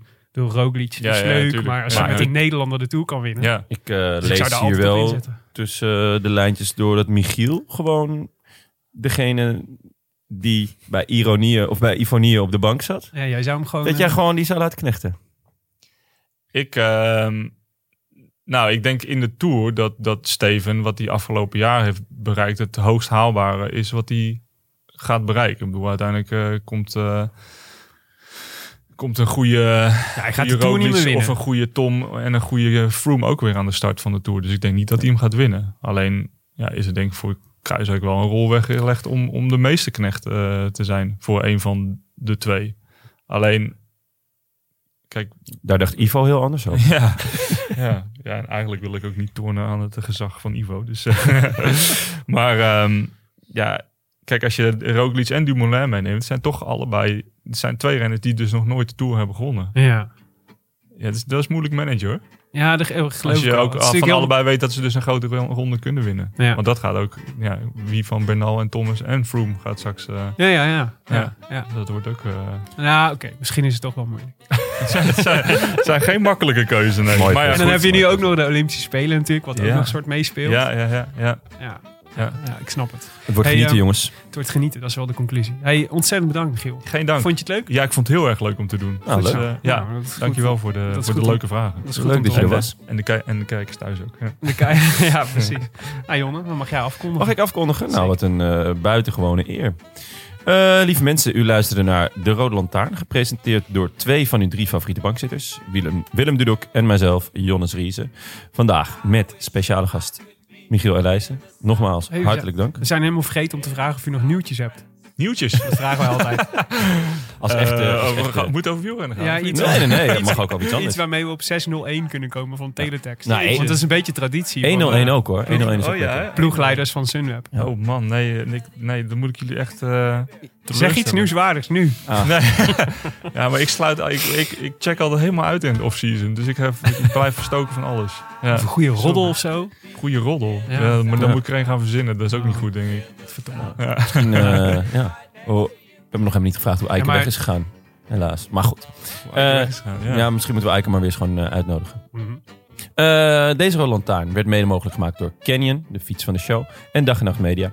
Speciale dank aan Leon Geuyen, Bastiaan Gaillard, Maarten Visser en Bas van Eyck van hetskoers.nl, de wielerblog van Nederland en Vlaanderen, voor de steun op vele fronten. Wil je reageren op deze uitzending via Twitter? Zijn we te bereiken via Willem Dudok, Tim de Gier en Ton Garçon, waarvan de eerste O een 0 is. Eh, en Michiel Elijzen. Daar staan een paar heerlijk pittige tw- tweets. Ja. Eh, ja. gewoon heel veel eh, echt, echt dingen waar je over na kan denken. zijn grappig, maar je moet het altijd eventjes even doorhebben. Anders dan, ja, dan, dan wint je er alleen maar over op. Ja. Maar hij is absoluut te bereiken. En we hebben ook een mailadres, groetjes at En abonneer je op iTunes of laat daar in elk geval even een reviewtje achter, zodat andere mensen de podcast ook kunnen vinden. Willem, hebben wij nog een reviewtje? Zeker. Eentje van Kuno Fris. Die, eh, ja, Kuno Fris? ja, Kuno Je Fris. ja. zit weer namen te bedenken. Heerlijk. Ik heb, eh, Heel veel alter ego's Ja, ja, ja. Die schrijft briljant gezellig. Hij geeft ons vijf sterren en schrijft drie wielerliefhebbers die vanaf de bank meekijken met wat er in het peloton gebeurt. Goede analyse, passende frictie tussen de drie hoofdrolspelers. Ja? Passende frictie. Passende frictie. Ja, ik mag jullie niet. In ieder geval buiten de om uitzending om. Eh, het is de drie hoofdrolspelers die niet storen, maar het gezellig maakt en je geboeid houdt. Hou vol, mannen. Nou, dankjewel. Eh dit was het. De Rode Lantaarn special met Michiel Elijzen. Ehm, wij zijn er binnenkort weer. We gaan nog niet verklappen met wie, maar dan... eh, Nee, maar hij maar is... zijn naam is gevallen. De naam is gevallen deze podcast. Meerdere keren Ja, zelfs. Ja, ja, ja, En, zeker. ehm, Dat is en, dus die staat binnenkort. eh, we houden de sociale kanalen in de gaten van de Rode Lantaarn. Dus in ieder geval zelf niet. Tot binnenkort. A biento. A biento. I wish I could be in the south of France. In the south of France. Sitting right next to you.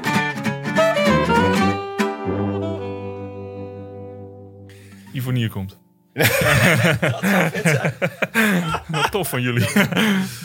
dat zou heel zo iemand.